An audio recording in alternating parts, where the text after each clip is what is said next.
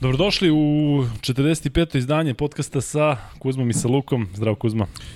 Kako si Luka, stigo si na vreme? Stigo sam na vreme. A, zašto ne počinjemo na vreme? Imao si telefonski razgovor. Tako je. Imao sam da ne bude Kuzma razgovor. su spavo, čitam ovde. Jeste. Ljudi mora znaju Kuzma nikad ne spava. Da, ali e, Kuzma, zašto smo, s kim sam razgovarao? Ajde, otkud ti voliš da tračariš? A, pa ti reci s kim si razgovarao. Da, Ako ti smeš. preko svog telefona, a?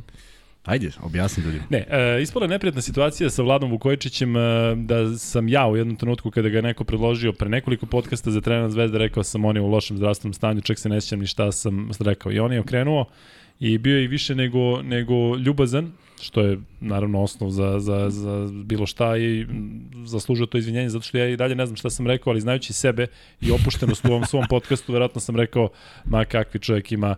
E, ispalo da ga on ima neke zdravstvene probleme, A nema ih. a nema ih. Tako da živ je zdrav je, javio se, e, bio vrlo, vrlo ljubazan, ali je e, iznao svoje mišljenje o tome. E, tako da, eto, znate dobro da nemamo nikakvu nameru da šaljemo bilo kakvu lošu sliku ili bilo kakav Uh, ja sam kad su Mike James i Jacob Pullen u pitanju, ili NBA. Šta nas briga? Pa, pa, Za njih dvojicu nas baš, baš, baš da, briga. ali um, to je to što se tiče Vlade Vukojičića, veliki pozdrav za njega i kažem, uh, uvijek je lepo kada čovjek, čak je jako lepo govorio o našem podcastu i zato ga je verovatno to i e, izazvalo kod njega neprijatnost zato što je e, zna kakvu sliku šaljemo, zna da pričamo ozbiljno o košaci, dakle nije neka kako i on sam citiram rekao, e, nije neka leva emisija ili neki niskobudžetni program i, i zato hvala mu na tome zato što je u, u svemu uspeo čak i da nas pohvali, ali izvinjenje zbog toga što je što je verovatno e, zvučalo zvučalo e, bez veze e, i čak nije u prošlom podcastu kada smo Ne, imali ne, ima puno emocija, da. nego da.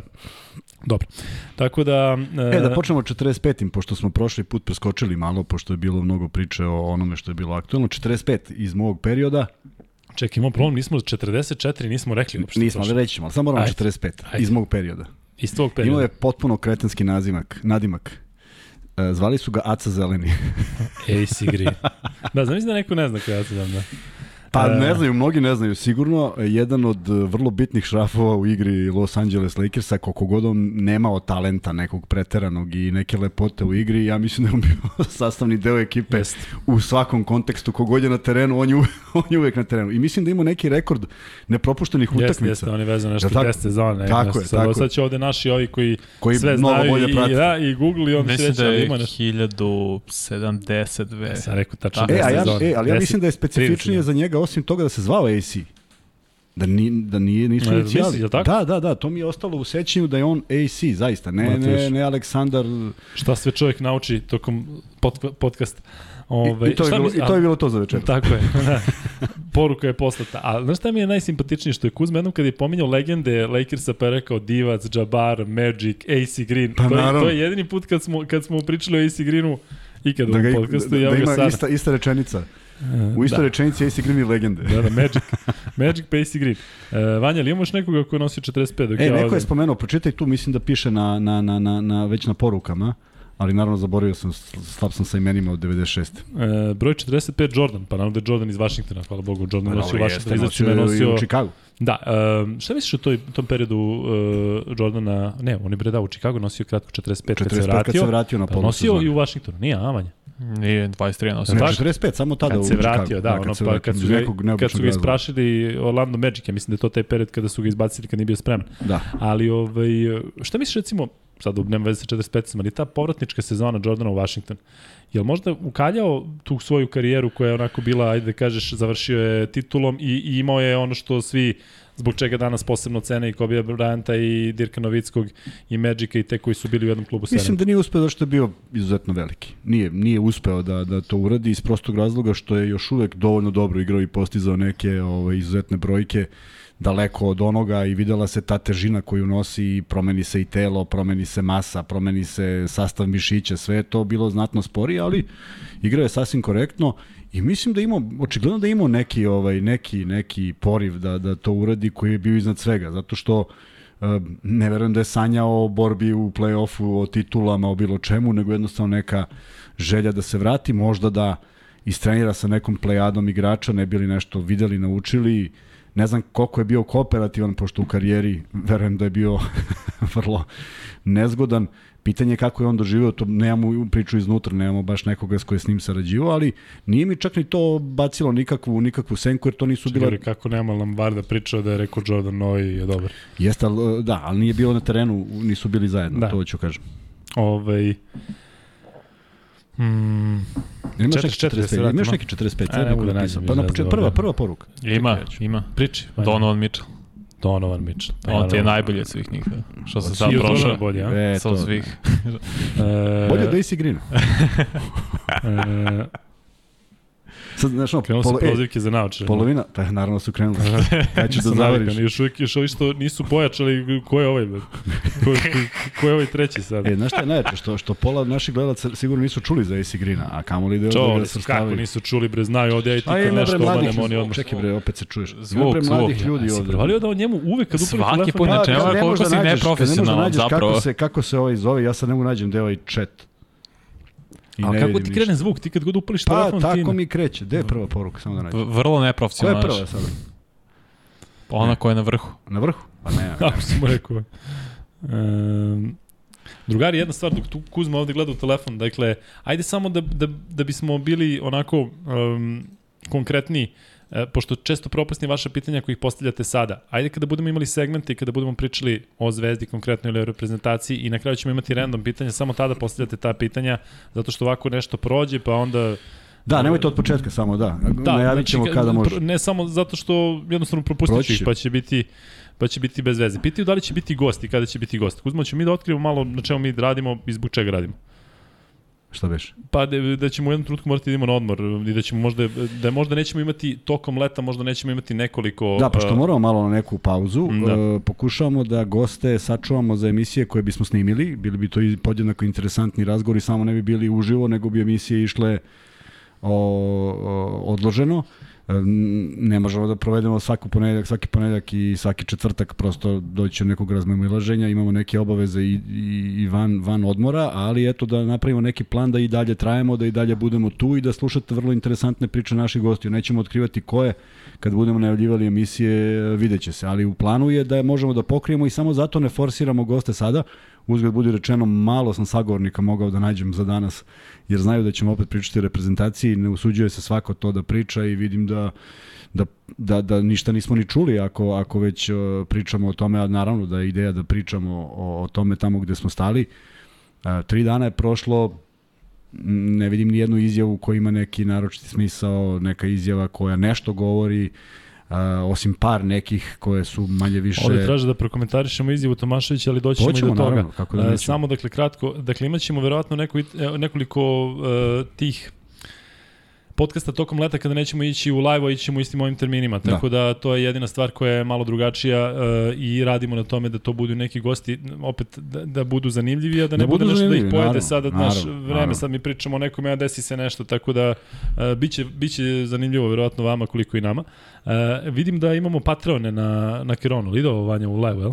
Dobro, sad ćemo da pročitamo. Dakle, naši patroni su sledeći... Mogu, mogu, ovako ne mogu. Kukulel. Eto zašto ima ovaj, način.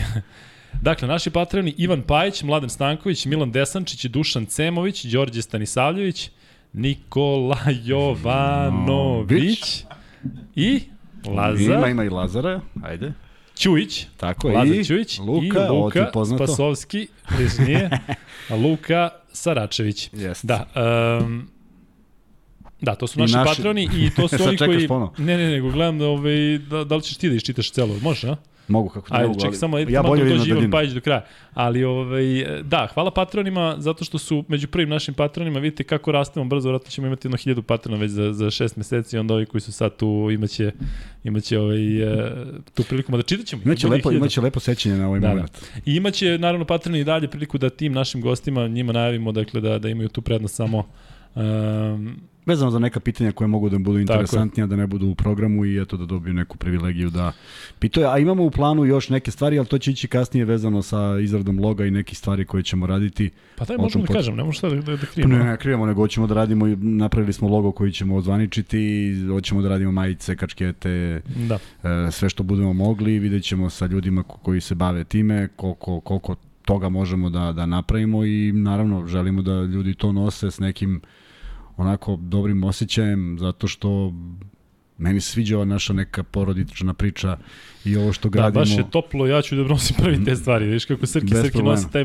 iz njega kao najbolja reklama, tako da... Apsolutno, nema razloga. Tako i treba. Mislim da će biti ukusno i da neće biti napadno tako i da je to već dovoljno da, da, da neko ovaj, eh, kupi, neko će dobiti poklon. Vidjet ćemo kako ćemo da, da. se snaći. Za taj 50. ćemo vidjeti da podelimo neke poklone, pretpostavljam da će oni ići u live, nešto ćemo smisliti do tada. E, sada druga stvar je, eh, ja i Kuzma eh, imamo neku ideju, još pokušavamo sa Vanjom i sa Srkijem ispred, koji je tu ispred Infinity Lighthouse-a, da vidimo da možda tokom evropskog prvenstva malo pojačamo, da idemo... Da imamo možda svaki dan. Pa, bukvalno da imamo svaki dan. Zato nam recite, šta mislite o tome da recimo posle utakmica u nekom terminu u 23 časa tokom evropskog prvenstva idemo idemo svaki dan te dve i po nedelje Uh, za to će nam naravno trebati opet uh, neka podrška koju trenutno tražimo, ali, ali mislim da će biti mislim da će biti zaista o čemu, o čemu da se priča, zato što ćemo svaki dan gledati Tako svi je. zajedno te utakmice, posebno kada igraju naši, to će vjerojatno biti i naj, najgledanije. Vidimo koliko je ovaj poslednji podcast e, bio gledan, tu su obrani neki rekordi, ja mislim da je samo Vučević sada podcast koji je koji je imao više pregleda, u live Preko smo mogli da. rekite, rekite, ove rekorde i um, ono što je jasno da je to zbog reprezentacije, zato što ste i vi verovatno hteli sa nekim da pričate o tome i da čujete to, a s obzirom na to da nam ide i taj prozor, i da nam ide evropsko prvenstvo. Ma ne prvenstvo. prestaje, da, sad idu prozori, evropsko prvenstvo, prozori tako ponovo, je. tako da ima mnogo toga. A uzgred imamo i ove vesti koje stižu iz klubske, iz klubske košake, pa ćemo i to prokomentarisati. Ali ajmo da krenemo. Da krenemo... Ajde krenemo od reprezentacije. Ajde, da li si video tu izjavu Dejana Tomaševića? Pre, pre Tomašević izjave samo, samo jedan osjećaj onoga što sam negde i mislio da će se desiti. Nikakvo oglašavanje, niko ništa, baš ništa, što je vrlo interesantno. Sada pred studio čitam uh, izjavu Stojka Vrankovića, dakle usudio se neko da ga nešto pita i čovjek je rekao šta ima da kaže. I pročitat ćemo posle zato što su neviđene paralele koje postoje. Tako da ako mi pričamo da smo daleko od toga i da se to njima desilo, nama neće, to je jedna priča koja nema mnogo uh, ovaj, uporišta, prema tome, ajde predupredimo nešto. Izvini, ja ne znam, je on pričao o Hrvatskoj ili možda paralelu prave sa ne, našim? Ne, ne, ne, samo pričao o Hrvatskoj, ali kažem, Aha. možemo izvučemo ozbiljne paralele. Jedna od njih je, jedna od njih je ta koja mi upala u oko i za koju ja duboko verujem. A, zašto, je, zašto je ono vreme ranije bilo drugačije nego sada? Zato što su igrači dolazi edukovani i pripremljeni u reprezentaciju.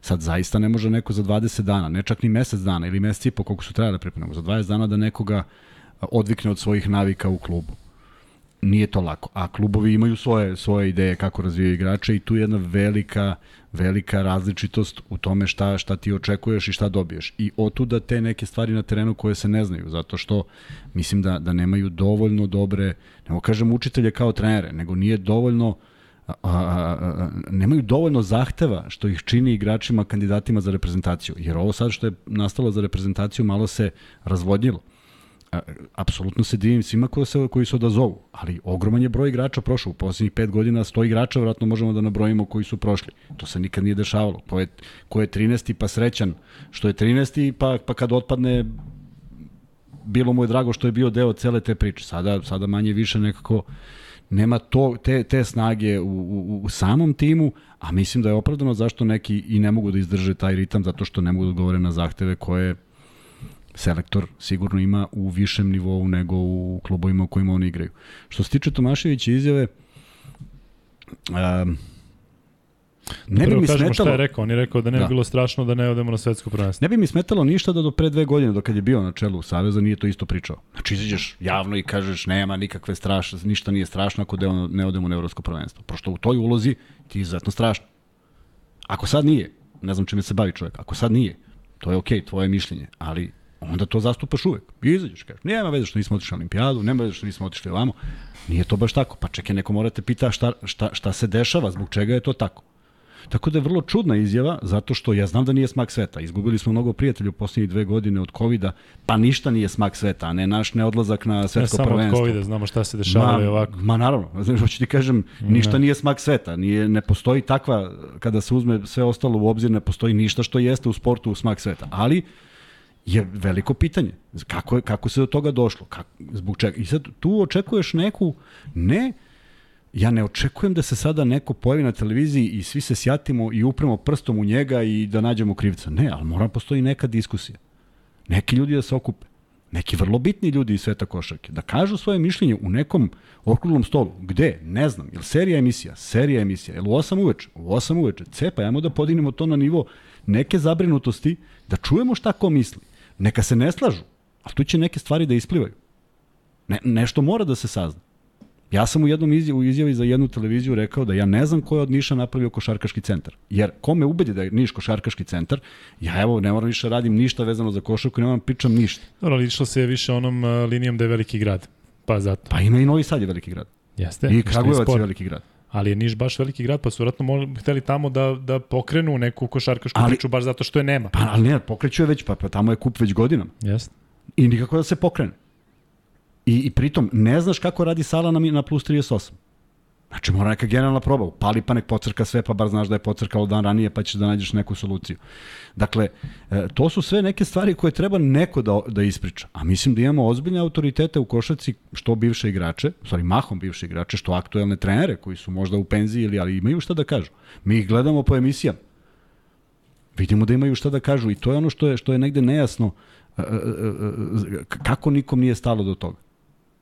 A, ali da ne misliš da možda ideja da se sada ne iznosi neki prljav veš? Ali to, to svaki put kažemo. Mi svaki put da, kad dođe neuspeh, mi kažemo, e, sad, pošto smo peti na svetskom prvenstvu, ajmo da ne iznosimo prljaveš. Ali još nije neuspeh, zato što su oni i dalje u, u ovoj priči, dakle i dalje postoji šansa i sve. Pa, dakle. okej, okay, ajde da ga ne iznosimo pa da izgubimo tu jednu prvu i da onda ga iznesemo. Mislim, ajde da iznesemo da imamo o čemu se radi. Daj, daj, evo, ja bi, ja bi strašno voleo da postavim jedno naj civilizovanije, najkulturnije pitanje, ali možemo nađemo 12 igrača koji će da izguraju ovo sve do kraja. 12, ne 15, 12, za koje ćemo znati da su tu i u avgustu, samo za koje ćemo znati da su tu uvek. Ne računamo evropsko prvenstvo. Ajmo njih da napravimo tim. Pa ja ću ti reći da ne može. I svako će ti reći da ne može. Partizan će da igra Euroligu, treba da mu igraju igrači i šta treba Avramović, taj ne, koji smo pomenuli da igra. Upravo ti kažem, 12 koji će biti na raspolaganju. Daj da vidimo 12 koji su tu koji će uvek biti tu. A to onda svodi na FNP, Ma, na e, Negu? nek svodi na šta god. Ja sam ubeđen da belgijska reprezentacija nije jača od te reprezentacije. Nije jača, ali oni imaju inače igrače koji igraju, dakle, taj e, Obason je u HPL iz Jerusalima. Dakle, ona zna da je uvek dostupan. Ovi svi ostali su uvek dostupni. Pa daj da nađemo mi dostupne. Lige. Pa daj da dakle, nađemo dostupne. njihovih najboljih 12 pa, okay. koji, koji i jesu non stop na izvolte. Pa, dobro. A mi imamo 50 igrača, od kojih 45 igra po ligama. Daj sedam, daj sedam onih koji jesu. Pa da, onda će se svojiti reprezentacija na nek FNP, se, ne, na nek, se, nek se svede na šta god ako mi pobedimo Belgiju. Ali zamisli onda ispadnemo. I onda. Ali onda mi već znamo da ne računamo nove. Već smo ne, ih otpisali. ali sad ti kažeš imaš 12 igrača koji su igrani. 6 FNP, 6 uh, Mega. Ko, da. I, I izgubimo. Dobro. E onda taj koji je pokrenuo tu ideju će biti... To smo pričali prošli put. To smo pričali prošli put. Ne, sad ću ja da uzmem ove koji su tu i bolji su, pa ćemo da izgubimo s njima. Jer sam ja onda probao sve. Nije do mene. Probao sam, doveo sam ga.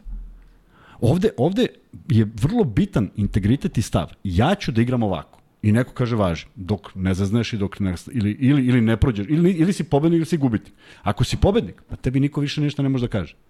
Ako jesi, mi uvek znamo da imaš alibi da si igrao sa tim, jer je to bio rizik, ali rizik koji je imao neki smisao.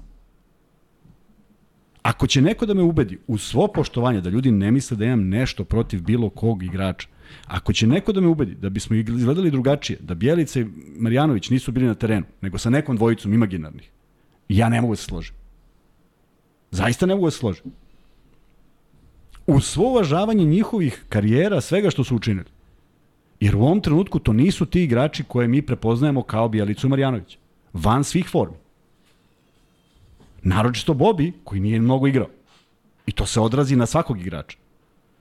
A Bjelica je hteo nešto, nametnuo se, ali je to ono što stalno pričam. Ne možeš iz, iz uloge sporedne da se prebaciš u mod vođe ekipe. Ne može, ne ide to tako klik. Pazi, ali sve, mislim da nije čak ni do nas, ni do njih, nego do te, te cele situacije. Evo, ajde sada hipotetički. 6 FMP, 6 mega, je li tako? Dobro. Izborimo uh, na svetsko. Jel treba oni da idu na Ne idu oni, ne idu pa, oni sigurno, čekaj, ali, oni, oni su već upoznati, ali oni su već upoznati. Pa zamislite onda koji je kanal, ti ga kažeš izborio si, ginuo si dve godine, ne, možda e sad će da igra ovaj Burazir NBA. Pa možda će Žika i Pera da uđu. Možda će dvojica odatle. Možda će dvojica evo, ja ću ti reći, ako imaš 50 igrača koji su u tom trenutku na raspolaganju ili sve, ali, Luka, znam i onda tek nemaš uigranost. Luka, ali znam šta mi pričaš, ali 2005. Ja. smo imali najbolje na svetu. 12 jesmo, najboljih na svetu. Jesmo, a ja tvrdim prime, da. sad dva šabana umeđu tih 12, znači 10 plus 2 indijanca, koji bi nešto pokrpili i tamo udarali glavama, mi bi možda bolje prošli. Dakle, nije sad bitno da li mi imamo 12 najboljih koji čekaju, nego da li je neko kroz te kvalifikacije, kroz te prozore, uspeo da se nametne u U hiljadu stvari može se nametneš jednom treneru. U pouzdanosti na terenu. Šta se dešava kad si ti u igri? AC Green, šta se dešava? Zašto je on u igri stalno? Pa zato što se ima rezultat. Jel da poen? Ne da. Jel skoči, ne skoči? Šta radi? Ne, ne znam šta radi, ali A, radi dobro, nešto dobro. neki poen. A dobro, izmišljamo. Hoću ti kažem, nisu bitni najbolji strelci. Znači, e, e, e, polazimo od toga da, da, da, da selektor u mom, u mom svetu mora da ima potpuno poverenje. I ja ne bih uopšte razmišljao kad bi mi Pešić napisao spisak od 12 njegovih, ja ne bi nijednog trenutka rekao ovo nije dobro. Naprotiv, ovo je neka ideja. Ne bi ti, ali bi nacija celo rekla, e, čekaj bre, imamo pa, 8 MVP-eva, a nemamo. Si me, ali prošli si me ubeđivao da, da nije tako, a ja kažem da jeste.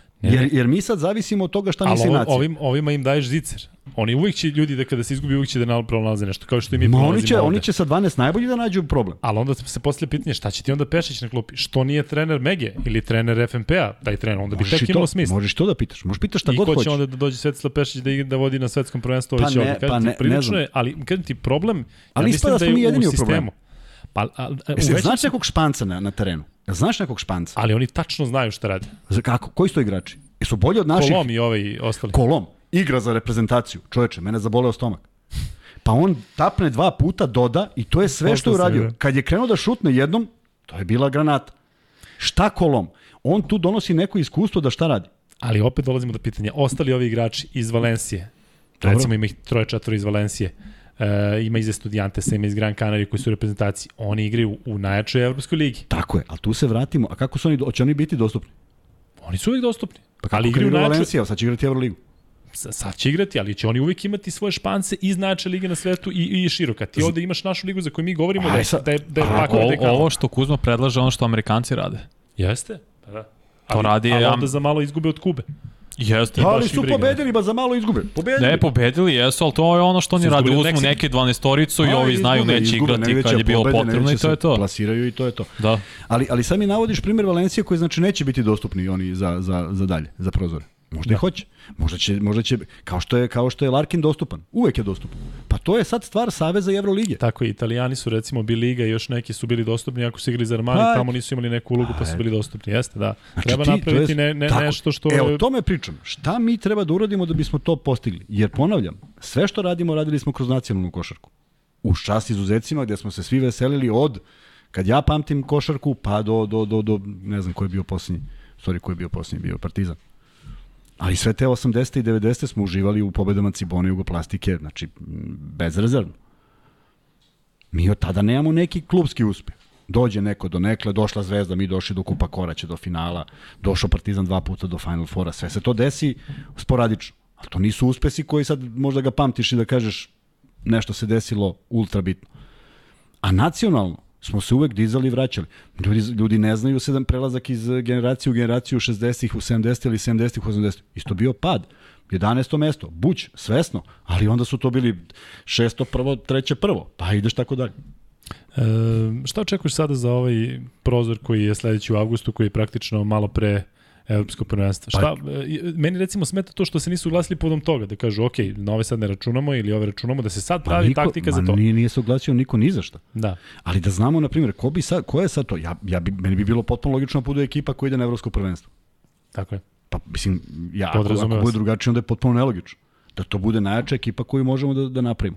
Kad kažem najjača, ne moraju nužno svi, nego najjača ekipa. I ljudi moraju da razumeju da najjača ekipa i kad imaš jednog igrača koji nije iz tog uh, rejtinga ili renomea. I sasvim je normalno da ga imaš. Naravno. I sasvim normalno da imaš jednog 12. igrača koji je neki veliki potencijal, pa procenjeno ko je taj koji treba da iznese. Ali ja sam pročitao da je Simanić dan kasnije bio na na letnjoj ligi. Tako? Je li otišao? Mm, pa da. piše da. da, nije šutirao. Da nije šutnuo na koš. Ne, nešto piše da nije se prostavio. Zamislite igraš reprezentaciju, a u stvari čekate letnja liga. Pa sad govoriš da je to pozitivno ili ne? Pa ne, da on... pa ne, on čovjek verovatno, verovatno želeo da ide tamo, pretpostavljam. Pa dobro, za mene je pozitivno, ako je recimo imao te obaveze, to je primjer za druge. Isto ove koji igraju letnju ligu. Pa što nisu došli oni da igraju pa zajedno svi da idu istim avionom. Možeš i tako recimo. posmatraš, ali ja mislim da je on glavom bio tamo. Sigurno, i to je, pa da, videli smo kako je igrao. Nije, nije ništa sporno, ali znamo koliko su obaveze, znamo koliko rano krenu, kreću pripreme, koliko rano su Sve sada... Sve to znamo, samo ne znamo kako je neko tu, a neko nije. I možda, možda postoje toliko racionalno i razumno objašnjenje. Ja nemam ništa protiv da ih čujem. Ako treba, za svakog. Žika nije tu jer, ne znam, ovaj nije tu jer ovo. Ali hajde da čujem. Daj da čujem, jer svi nam se sprdaju, svi se sprdaju sa onim Dončić tamo, ovde nema nikoga. Da. E, u pravu si, ali opet sad se vraćam na ono za što si ti rekao. Zamisli da sada izađe neko i da kaže, evo, taj i taj je dobio dete i treba da odmori. Pa odmah bi bilo, pa čekaj, i ovaj je dobio dete, a igra. Njemu je dete ovoliko, a igra znači on voli više reprezentaciju. To je, to je, Mislim da bi se... Uh, Ma kod stvorio... nas je sve, a, a zato što smo negde popustili, Jeste. negde je se tolerisalo sve živo. A meni je potpuno razumljivo da čovjek koji ima 100 utakmica, evo sad sam gledao, ali to ćemo pričati posle malo. E, ajde onda što se tiče reprezentacije, da, da samo još malo popričamo o, o tome što se desilo, da se vratimo posljednji put na ovo, na ovo što se desilo protiv Letonije i Belgije. Kako ti opšte E, izgleda, kako bi trebalo da igramo mi? Da li bi trebalo možda više da se obrati pažnja na odbranu? Da li bi trebalo više možda da se gura lopta pod koš na ove dominantne igrače? Šta bi recimo pro, promenio igrački sa ovim sastavom koji je igrao protiv Letoni i Belgije? Nešto onako baš opšte. Šta baš ti je trebalo opšte, da se opšte. ne šutira za da, tri ili da, nešto? Da, baš opšte bi stavio da postoji onaj kritični moment u utakmici kad moramo da damo koš. I kako ćemo da ga damo? Ko je taj? Ko, za koga pravimo izolaciju? A, pravimo izolaciju ili pravimo akciju za njega? Eto sad. Vrlo jednostavno. Mislim, toliko je jednostavno napraviti. Ako će čovjek da bude sam, namestiš ga da bude dole ispod koša i da primi loptu. Ne da je primi na 8 metara, nego Bobi da treba da primi. Možda uz neki blok ili nešto, ali da je primi blizu košu. Ako je Bjelica, može i više. Onda svi šire. Pa ko je na njegovoj strani, ko je na raspoloženi šuter? Ne stoji najgori koji je šutno 6-0, nego stoji ovaj što je šutno 4-4. To su neke stvari koje su još bavaju hodajući. Ali samo da se zna kako se to završava. Jer da smo imali dve takve akcije na kraju utakmice, a ne proizvoljnost koće, možda ne bismo izgubili utakmicu. I ja sad samo pričam o tome kolika je razlika između pobede od jedan i ovog poraza. Nebo i zemlja. Iako ja smatram da su jedna i druga utakmica podjednako loše. Ali u ovakvom sistemu utakmičenja, ma samo je to bilo bitno.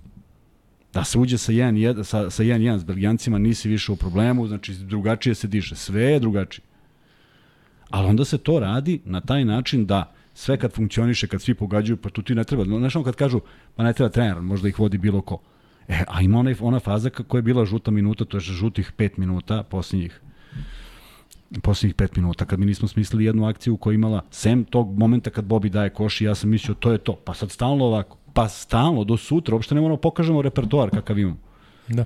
E, počnite da postavljate pitanje u vezi reprezentacije dok smo još na ovom segmentu. Dakle, ajde sad samo postavljate pitanje za reprezentaciju i dok stignu, ja ću Kuzmu da pitam, um, znaš šta mene plaši? I reci mi da li to može, kako se to recimo može da se iskoreni? Što smo mi recimo i protiv Letonije i protiv Belgije, tokom, protiv Letonije ja mislim treća četvrtina, a protiv Belgije tih poslednjih nekoliko da smo imali totalno prazne minute. Tako je, šest, to, pet i deset. Mene to podsjeća na Hrvatsku, dakle oni kad igraju dobro, oni su protiv Fince, protiv Finaca imali jedan dobar deo kada su u drugom polovremenu baš krenuli, kada su digli razliku i onda se upada u taj kanal. Je to recimo mentalno nešto što ekipu može da, da, da razori i kako se iz toga izlači? Vidi, vidi, mislim, mislim da može da postoji jedan taj, jedna ta težina kada, kada ti igraš, a nisi siguran u svoju igru. I igraš i pogađaš i sve je to u redu, ali, ali prosto uh, kod Hrvata je to bilo drastično, gubili su zaista neke nevjerojatne utakmice u, u nizu. I sad oni vjerojatno dođu u onu situaciju, uh, joj samo sada da ne bude kao što je bilo prošli put. I u tom momentu kad tako razmišljaš, a nema te organizacije, jer ni kod njih se nisu napadi završavali sa nekom idejom. Ja ne mogu da znam da li je ta ideja na klupi postojala. U svakom slučaju nije se dešavala na terenu. I A izvine, to i nije bitno čak ko je na terenu. Mi smo imali iste, iste te prazne minute kod Hrvatske kada igra 12 polupoznatih igrača i kad su sad ne, ne, zvezda. Ne, ne, ne, dakle, je na terenu, nego šta, taj, tako je, šta, se, da, šta se igra? Ali to je ono što tražimo najjednostavniji mogući koš. Pa primi je, okreni se, pa probaj. Pa ako ne može iz, iz dva, probaj iz trećeg puta. Mora u nekom momentu. Ali deluje mi da u tom trenutku svako preuzima odgovornost na sebe, sada će to da bude. A to ne može tako. Ne može, jednostavno nije, nije to tako koncipirano. Mora se zna ko šta radi, zato što onog momenta kad svi znamo da Luka šutira, pa naš četvorica znamo u kojoj smo poziciji. A kad je ja opalim, a vi krećete u neku kretnju koju smo se dogovorili, to znači da je to ispuštena lopta. Srećno može da uđe lopta, može i da pogodiš, ali opet to nije nešto u čemu uživa trener i kaže bravo, ovo je bilo genijalno. Jel, smeju da se ubacim na ovo na sekund? Smeš, ali kaže ovo što rekao Luka, ako šuti Luka, ako šuti, on će da da, ovi četvorica ne moraju to, da to znam. Ja, ovaj živote lutali. Mislim da je za Hrvatsku ovo stvarno mentalna stvar, da. ali za nas da je nedostatak kvaliteta. Za nas? Bar ove reprezentacije. Ne, ja ne znam zašto smo mi svi toliko ubeđeni da je ovo trenutno reprezentacija toliko kvalitetnija od recimo Belgije. Nismo, Ali ja recimo, ne, javnost ja, mislim. Znaš zašto? Zato što Aha. imaš NBA igrači, imaš igrači Zvezdi i Partizana i imaš Evroligaški igrači. Pa čekaj bre, kako nismo kvalitetni, razumeš? Zato što kad pogledaš, imaš znači Davidovac, Avramović, Zvezda, Partizan. Imaš ovu dvojicu iz NBA, pa onda imaš Marinković, Jaramaz, e, dakle igrači koji igraju u NBA ligu. Ne znam šta treba. Evo, Koji od tih igrača ove godine možda Sema Vramovića ili nek neko napiše u komentara ako zna imao više od 25 poena na jednom meču. Ma bre Jaramaz je u drugom delu sezone odigrao jako da? dobro. Jeste, okay. jeste, on se podigao. Ja stvarno mislim da je samo nedostatak podigao, da. kvaliteta kod nas dok ne. nisu ovi glavni igrači tu, a da Hrvatsku kad jesu tu da je mentalna stvar već postala. Ne, ali mislim da to, mislim, to je bilo dok sam ja igrao na kom god nivou, ali kada se u, u, kad uđete nemer u ekipu, brate, ne znaš gde, pa odmah krene halo, ovaj da trojku, odmah i vidiš između sebe, čak i po govoru tela, nema nekoga ko će da preuzme da kaže, ajde, idemo, razumeš, to je Teodosić radio, meni je to bilo bitno, ne samo u igri, nego on na klupi uzme, pa ako treba i da opsuje, pa ako treba i ne znam šta da uradi. I puštali su ga trening, sad šta su ga puštali, čak i Ivković i Đorđević su ga puštali, znaš, da je neko drugi to uradio, verovatno je bila reakcija, ovako kad Teodosić kaže, moraju svi da slušaju. Uh, vidi, imao sam tu zaista sreću i privilegiju da igram u timovima koji su uvijek imali više pobjede nego poraza. Dakle, te tri godine BFC su bile, mi smo osjećali, potpuno smo razmišljali da smo ne pobedili. Mi smo znali samo da može, najgore što može se desiti da, da mi negde nešto zabrljamo, sudije da nas pokradu što je bilo u ogromnoj meri, ili da izađemo sa protiv protivnika koji je bolji. Mi smo imali plus. Otišli smo u zvezdu, uzeli smo titulu. Otišli smo u budućnost tri godine, mi smo napravili 51 pobedu u nizu. To niko do tada nije napravio jedina sezona moja gde sam bio na neki način u minusu i to sa nekim neverovatnim porazima je bila Beobank. Jer je u Beobanci u stvari samo najveći problem bio da se prilagodiš tih tri meseca i tačno vidiš kako rezultati. Krenemo prvi deo sezone 3-9, a onda 9-3. Znaš, I onda kompenzuješ kad ti uđeš u ritam i sve to. Prema tome, e, to se stvara. I ti onda jedan dan osjećaš ta moja završna sezona u Rumuniji, mislim, zemlja koja nije postojala tada na mapi, ali ja, ja kako bih ti rekao, ja nisam, nisam shvatio da i možemo da izgubimo uopšte, jer smo, jer smo to doneli.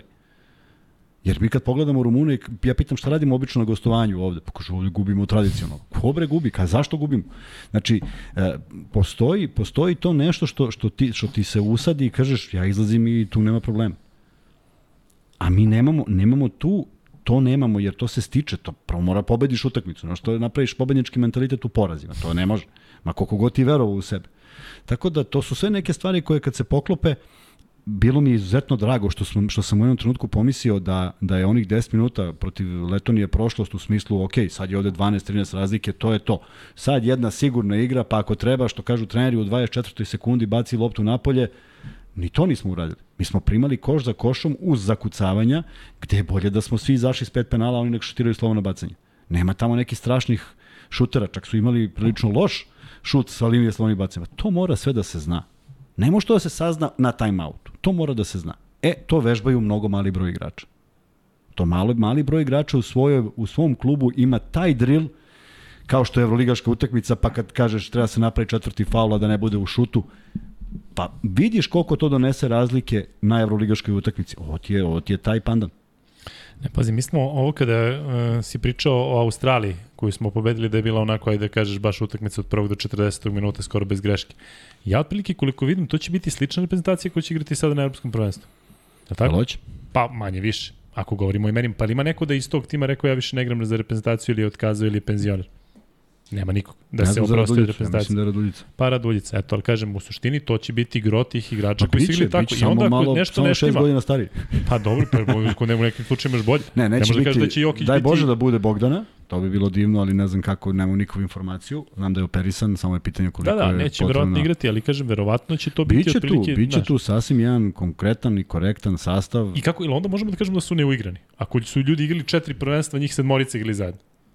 Možemo da kažemo da su ne, možemo, da... pa nema veze, i drugi treneri i mnogo je vremena prošlo. Možemo da, da kažemo. Pa to kažemo, onda, će igraju... onda će u Pešića, znaš, kao, čekaj, isti e, su tigli ovamo, a sada se to igri ovako. Ne, ne, ne, sad mora, to, to sad mora da postoji jedan proces uigravanja, ali onako najjednostavnije. To su sad momci koji poznaju košarku, ako po logici stvari treba poznaju bolje od svih.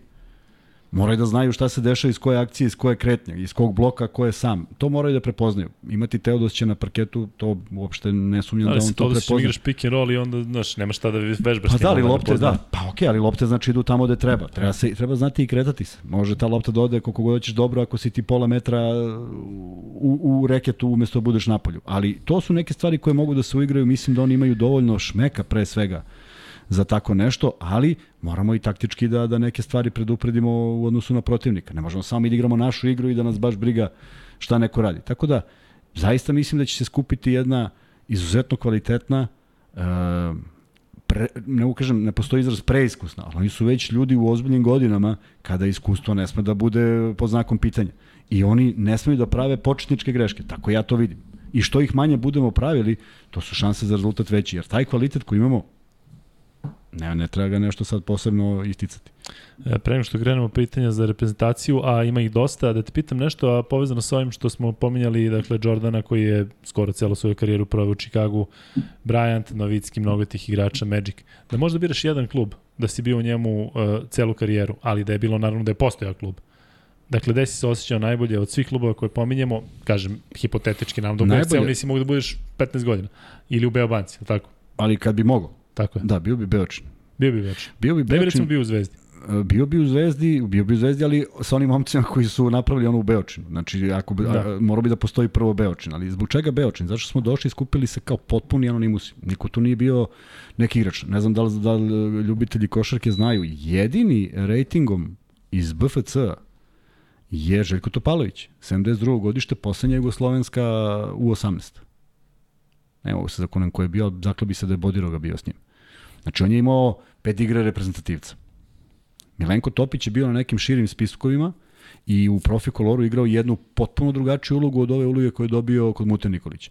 Da se neko zakune u sve ostale igrače da bi mogli da proizvedu ono što mi uradili u te tri godine, nema teoretske šanse. Ali prosto stvorila se jedna hemija kojoj je u jednom momentu na kraju druge sezone bilo potrebno neka dva osveženja, ali neka dva Znaš koga je Muta zvao posle prve godine? Zoki Jovanovića.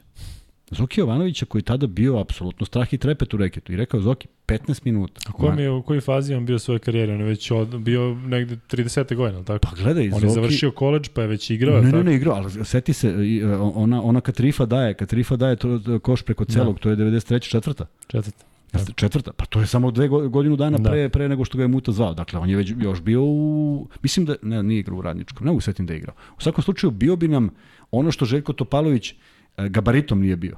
Bio bi neko da. ko bi zatvorio reket, pa je ogroman, pa nemaš lak prodor. I još jedan igrač. Možda neki vrhunski playmaker, možda neki atipičniji playmaker, da ne bude Kusmuk. Kusmuk je bio izuzetno precizan, ali nije bio brz Pokojni Nemanja Danilović je bio suprotnost, bio je jako brz, ali, ali nije imao takav pregled igre i takav, tako stabilan šut. Smiljanić je bio mlad. Dakle, mi nismo imali nekog, sad ti kažeš playmakera u kojeg se zaljubiš. Čekaj, Vučurović. Dvojka. Dvojka? Pa nije da. igrao malo na kecu. Nikada. Nikada? Nikada. Pa ja kažem ti sad kada bi rekao njega pamti kako šele, pravi. ozbiljna dvojka da. sa jednim driblingom naskok i buć, što bi rekao Ljilja, ubacio je Ljilju. E, dakle, bio bi tamo, a naravno negde, negde ovaj, taj lepi moment koji se desio, koji nam je e, ispao iz ruku 95. se desio 90, u sezoni 97-98. Da smo faktički nas trojica, ono što smo propustili protiv Partizana, uradili u Zvezdi i zaista smo onako, malo je reći, oduševljeno gledali kako ćemo i da nastavimo tu još naredne 2, 3, 4, 5 godina, međutim nije se desilo. To je bila šansa za neku, neku dužu vladavinu. Sada si rekao da bi u Zvezdi bio celu karijeru, sad bi ovde bilo i više pratilaca ovako. Pa ne mogu, ja sam, meni je žao, ne, meni je žao što sam ja bio jednu godinu, zašto smo napravili neviđen uspeh za koji bio i Oliver Popović, za koji smo obojica konstatovali da je došao onako neverovatno, a tek smo ga planirali, ali onda jedan raspad kluba, bez ikakvog razloga i što je najgore, napravljen je najlošiji klub u Euroligi ikada. Nikad nismo ni tako loše zlato. Mi smo imali dve ili tri pobede. Što je, što je neverovatno. Ne kažem da bi mi harali Euroligom sledeće godine jer je bilo jače takmičenje, ali mislim da bismo bili sasvim konkurentni. Da, idemo na pitanja o reprezentacije. Kuzma, reci iskreno, da li Bjelica i Bobi uopšte treba da idu na EP i eventualno SP? Pa ja da kažem, vidi, znači to su ljudi koji su, koji, kako, ka, evo sad, to je jedno pitanje u koje ja sad treba da odgovorim, jer sam pročitao koliko se nudi Bjelici za ugovor. Neko je lud, ili ja, ili ovi ljudi. nema, nema ništa između. Ja mislim da je on čovjek doživeo svoj zenit, da je bio van serijski igrač, da se meni dalje sviđa kakve on lucidne poteze može da napravi, da može da igra na 1, 2, 3, 4 poziciji bez problema, čak i da se spusti ispod koša, sve je to u redu. Ali da je to eksploatisano kod njega u klubu u 30 minuta, ja ne bih mu ništa protiv. Ali nije. I samo zato on ne odgovara rejtingom, ulogom u ovoj ekipi. Bobi je godinu dana nije igrao. Ja, ja se uopšte ne veselim kad daju njegov snimak kako igra kolo ili nešto radi. To mene uopšte ne veseli. To nije da nije igrao, tamo je malo igrao. Malo igra, a mene to uopšte ne veseli, a sve su vesti bile takve. Da. Uvek je neka sprdačina. Mislim, sve to simpatično, da, marketički lepo. I ranije je bilo toga, sad se samo svelo na sad to. Sad se da. svelo na to. Da. E, zašto je Dangubić protiv Belgije naš najbolji defanzivac, a Simanić ne zna gde se nalazi na terenu? Povezano možda sa ovom uh, letnjom ligom. Pa ne znam Dobro, šta Dangubić, da kažem. kod njega se videla ta želja. On Ma Dangubić, da. dečko, želi, ali on isto izgubio ritam utakmica. Pa koja mu je bila posljednja utakmica? Da, pa ja ne mogu da se setim. Pa evo, sad, i, sad, i sad ti iz nekog staviš da igra za reprezentaciju. Ma ja se slažem da je on koristan, on će, ali, ali ne možeš da očekuješ. Ovo što je on uradio, meni je sve okej. Okay. Majke. Meni je samo krivo što on ide na ulaz sa 2-5, ide na ulaz i dobija dve rampe. nije 2-5, nije. Kako nije? Dangubić 2-5. Dangubić, googlaj tamo, ajde. Je Dangubić ako je... Ma bre, više od mene, sad sam ga sreo nedavno. Dangubić 2.05. Pa jesi lud čoveč. Ja sam mislim da ima 198. Ma bre, ludi bre, gledam ga, gledam ga u nebo. Zato što si se zgrbio. Ja sam se zdudao, verovatno. 2.04. E pa izvinjam se što Viš, nije, u pravu, ne znam sam da nije u pravu, ali sam mislio da će biti za... za... U patikama je 2.06. Nikad ne bih rekao iskreno. Elem, hoću ti kažem, kad viš obiđe... Kako, viš kako ima naj onu uh, realniju, znaš, sad ja koliko sam više, gledam ga više od mene, znači tačno, znaš, ne može da promaši za, za 8, ali recimo ja ne bih rekao kad ga vidim na terenu, neko mi ne deluje kao 2.04, znaš šta je 2.04? Šta, znači on je ovoliko, Dangubić je ovoliko niže od Durente. Ali nisi imao te naočar. dobar, dobar, dobar. E, a slušaj, dakle, on, meni je krivo što on ne uzme i ne razgrne tog čuvara i krene da zakuca. Mora nešto se desi, ne možemo lupi bananu. Ovako dva puta na polaganju. Naš najviši spoljni igrač. Nema više. Da. E, to su, ali to se gubi neigranjem. A on nije igrao, pa ja mislim dva meseca. Ma kak je dva? Mesec dana je bila samo pauza. Da. E, I sad on treba da proizvede nešto i on je uradio. I faul napravio, i uradio ovo, i skočio, i dao, i, i radio sve što je mogao. I ponavljam, nemam trunku da mu zamerim. Jer ovo su sva opravdanja koje su toliko logična da ko se ljuti na njega ili ne zna celu situaciju, i ja, ja, ja, mu, ja, ja bi zami, razmislio da li bi došao sa rečenicom gospodine selektore, ja stvarno nisam u stanju. Jer sam zaboravio kako se igra. Možda bi ja to izjavio. Jer, jer ne želiš da budeš, pa majke ali ne želiš. Ali ne bi te pozvali nikad više u reprezentaciju. Pa okej, okay, pa i to ću da rizikujem, yes. ali šta dobijam ja time što sam bio? Sad ćeš pozvati da kažeš, setio, sad sam se setio kako se igra, pa možete da me vratite. Pa vidi, svako ima neki svoj izbor, ja ne znam, mislim, negde kažeš šta misliš ne, i šta možeš. Baš bih vidio da su te zvali za olimpijske igre 96. kao što je da bi rekao tako da recimo si tri meseca bio van, van stroja. Ti nećeš verovati, ja sam u jednom, u jednom momentu muti rekao, O, ajde, bre, nas na taj širi spisak, pa i onako se zna koji 12 idu. On je to, ne, do, ne zloupotrebio, nego svima trubio, sam ja to izjavio kao neću da idem na pripremu. I toliko, znaš, vodiš računa kako treba pričati nešto s njim. Ovaj neće, kaže, da ide, kaže, on, i onako zna, kaže da ćemo da ga, da ga slonim. Tako da me to pratilo jedno vreme. Zašto nijedan novinar ne sme da nazove i pita bilo kog od ovih igrača što nisu igrali da navedu razlog? Nema novinarstva u Srbiji danas na nivou, ili si s nekim drugar, ili mu se uvlačiš, tako da... I molim vas jednu stvar, dobio sam komentar koji ne mislim da je bio zlonameran, samo su rekli da smo mi novinari koji treba da se pozabave ovim. Ja sam odgovorio da mi nismo novinari, naročito ne ja. Luka radi na sport klubu kao komentator, tako ja sam stručni konsultant, nisam novinar. Šta smo mi, Kuzma? Podcasteri. Podcasteri, podcasteri. Da, da, da. da nismo YouTuberi. Mi, žešći podcasteri. Da, mi nismo stvarno, ja, ja, u najboljim godinama. Ja ne bih mogao da pozovem nikoga i da kažem, e, sad ja kao nešto pitam ili ja imam stvarno problem i ni, nemam apsolutno nikakav problem na sport klubu. Na sport klubu imaju, uh, imamo fantastične novinare i jednostavno ljudi su i završili te škole i apsolutno sve kako treba. Ali ja recimo kada bih sad trebalo da pozovem nekoga i zamisli onda radiš u nekoj drugoj firmi pa ti neko nametne, ja sad ga pitaj piti ga što je tuko ženu ili ne znam šta. Ne bih mogao to nikada. Nezgodno, tako Posebno je. kažem ti tako, da pričamo o košarci, uvek sa svima. Ali da ja sada zapitkujem, kažem ti ta neka, ali u pravu, treba novinar da pita i treba, na šta, šta mislim, Bogdane, vidim da si ti ovo postavio pitanje, mislim da, da je pravo mesto za konferencije za novinare. A ti recimo na, na sad ću dati primer futbolskih klubova zato što je tu izraženo, ali vezano i za košarkaške klubove. Ti recimo na futbolskim klubovima, na konferencijama za novinare, ti imaš tamo prijatelje kluba, ljubitelje kluba, one koji klub plaća i niko naravno neće da postavi pitanje, neko pitanje koje je nezgodno. A, nešto slično je u košaci ili ne smeju ili, ili, ili je već neka situacija, ali da je otišlo novinarstvo skroz ovaj, u nekom pravcu katastrofa, ne čudi me što, što, što je tako. Kuzme, si spreman za dalje pitanje? Samo da govori. Kome? Ne mogu sad ti kažem. Pa moraš. Dejan Tomašević, ja? treba opet da zovemo. Da zovemo emisije. pita, kako misliš ne znam, ne znam šta radi? e, ko će, dobro, ovo je za ovo. Šta mislite o odluci da Avramović ostane na klupi u završnici? Jaramaz je bio na parketu. Da. Jaramaz sa više minuta, sa Evroligom, sa svim što radi, zašto da ne? Pa izbor, da. izbor koji je potpuno legitiman. Verovatno se i zna da je Vramović u nekim završnicama onoga stojimo Ej, ono čovjek igra povređen, ej, čovjek je igra povređen na svoju inicijativu, pa naravno da nećeš da, da sad iskoristiš Tako. i to još. Smatrate li da je KSS najveći krivac za sve ovo, velika neodgovornost Saveza, gde se ne zna ni šta, ni kad je kraj lige, ni kad su pripremljeni, niti bilo ko da zaštiti igrače i trenere koji su došli? E, tu se fenomenalno zaštitio Savez, pošto kaže mi nema veze s ligom. Je tako? Da. Nemaju veze sa KLS, nemaju veze sa ABA, nemaju veze ni sa čim. Mi ne možeš da ih pitaš zaista ništa. Ček, kako to? Manja, otko ti? Nisi bio ovde 4-4 podcasta. pa KLS je zasebna, nije pod savezom. Evo viš, ja to nisam znao. Eto pa, nešto da naučiš ti u, 44, u 45. podcastu. Tako je, super. Da, nismo to ranije. A, dakle, dakle, imaju ulogu da ne, mora, ne može niko ništa da ih pita, sve su to neka tela koja vode sama, a, ali Ajmo sada, ljudi će naći na Facebooku ovo što je Vranković izjavio i on kaže, ili nam treba, ili stvarno nas spasava, kaže jedan playmaker. Pa daj dovedemo, kaže 12, daj dovedemo 12 stranaca da igraju za Hrvatsku.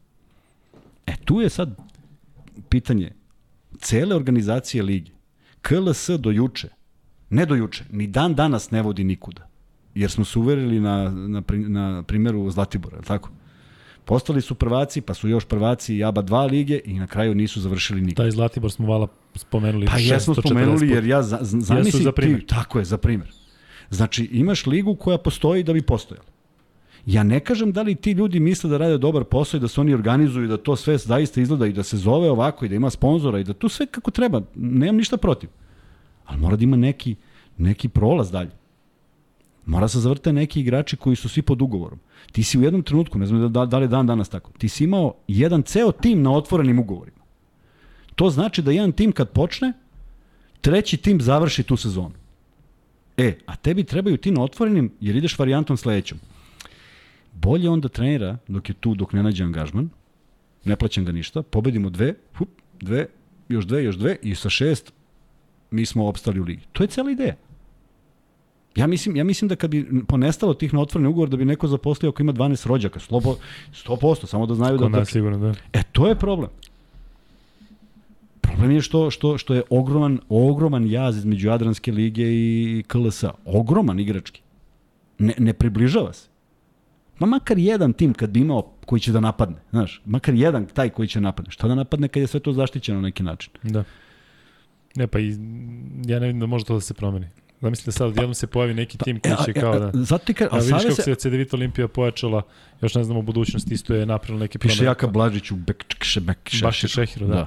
A, ali došao ovaj Lovro Gnjidić, koji je odličan igrač, ja ga pamtim iz Sibona ove sezone kao neko koji je koji je mladi, da. koji je pronašao bacanje.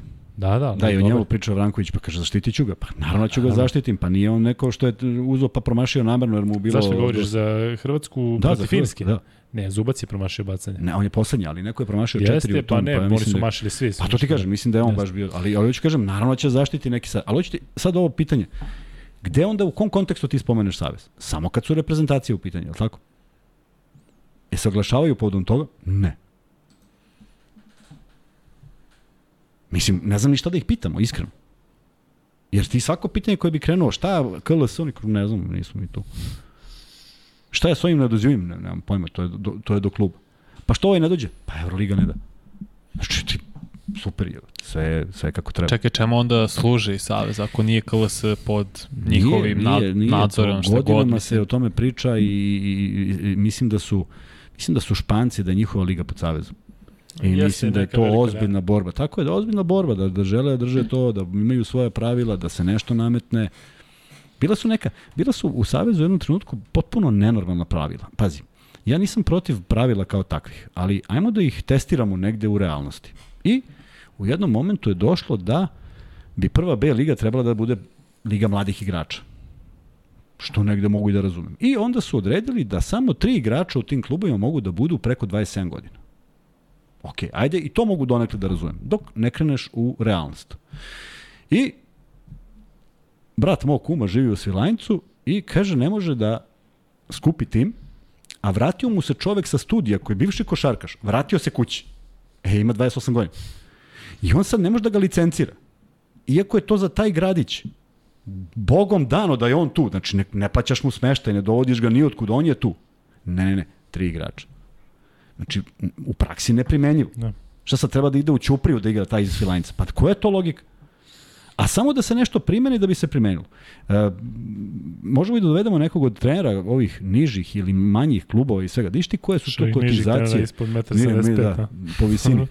Viš ti koje su to neki nameti, koje su to kotizacije, koje su to troškovi, ko igra s kim. Pa onda jedno vreme, na primjer, mislim da je Šabac bio kao zapad Srbije, da nije bio da, pripojen zapadu, nego Beogradu. Pa je onda oni časkom do put, mislim, ne, neki, nije Šabac, je, Šabac je ne, pripojen Beogradu i u nekim drugim varijantama. Pa da, nešto, pa da. ajde malo logike. Ali reci mi, dok si bio u Savezu, jesi sve to pokušao da promeniš? Ne, ne možeš, ne možeš sve.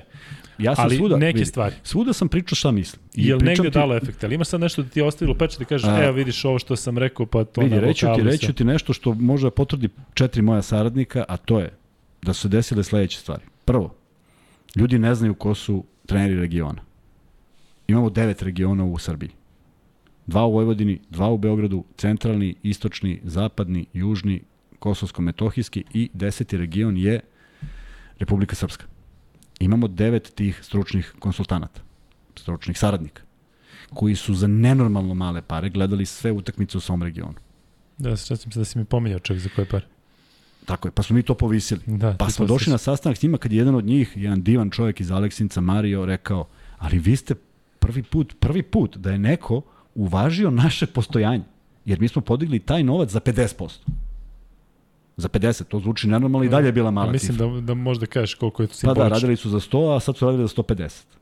I pritom uspeli da obiđu, evra, evra, i da pritom ob, uspeli su da obiđu sve te utakmice. I znaš kako je to onda izgledalo? Onda oni popišu svu tu decu. Pa onda taj Gordon Todorović kojeg niko, verovatno, ne konstatuje u Savezu. Na moju veliku žalost. To je čovjek koji radi sa decom do 15 godina. Znači onaj početak. I onda on obiđe celu Srbiju sa svim svojim stručnim saradnicima i, i svakog regiona izvuku 16-20 klinaca koje testiraju na tim nekim edukativnim treninzima regionalnim treninzima. Tako da ti stvarno ne možeš dobiješ igrača koji se nigde nije pojavio. Taj jedino se pojavio ako je sad počeo da trenira danas, a ti si gledao cele godine. Znači, to je funkcionisalo fenomenalno. Napravili smo edukativne treninge sa bivšim poznatim trenerima. Pa se u Kragujevcu pojavi Struje Lukajić. Pa Darko Ruso dođe u Novi Sad. Pa Boža Majković radi Beograd. Znaš ti kako je to delovalo na decu? Pritom ne okupimo 500 klinaca, nego i se izaberu opet na istom principu 14 do 16 igrača. Ej, uživancija. Znaš zašto smo to radili? Zato što taj trener nema nikakav odnos prema toj deci. Ne zna ih. Lukajić nijednog nije video. I ti kad gledaš trening i da i njego, slušaš njegove komande, ti vidiš koji su dvojica od 12 kliknuli. Da, zato što nema nikakav odnos prema njima. Tako je, i ti vidiš ko je tu prepoznao i to su da. momci koji su, jedan je došao do šireg spiska reprezentacije. Do šireg spiska. E, onda na njemu, onda nije više sad, znaš, da. on je prošao sve to, ajde da ga ubacimo. Prosto mora da se dokaže. Ali hoću da kažem, to je bilo toliko dobro. Drugu stvar koju smo uradili, Vlada Ivanović je bio trener U18 koja je osvojila zlato.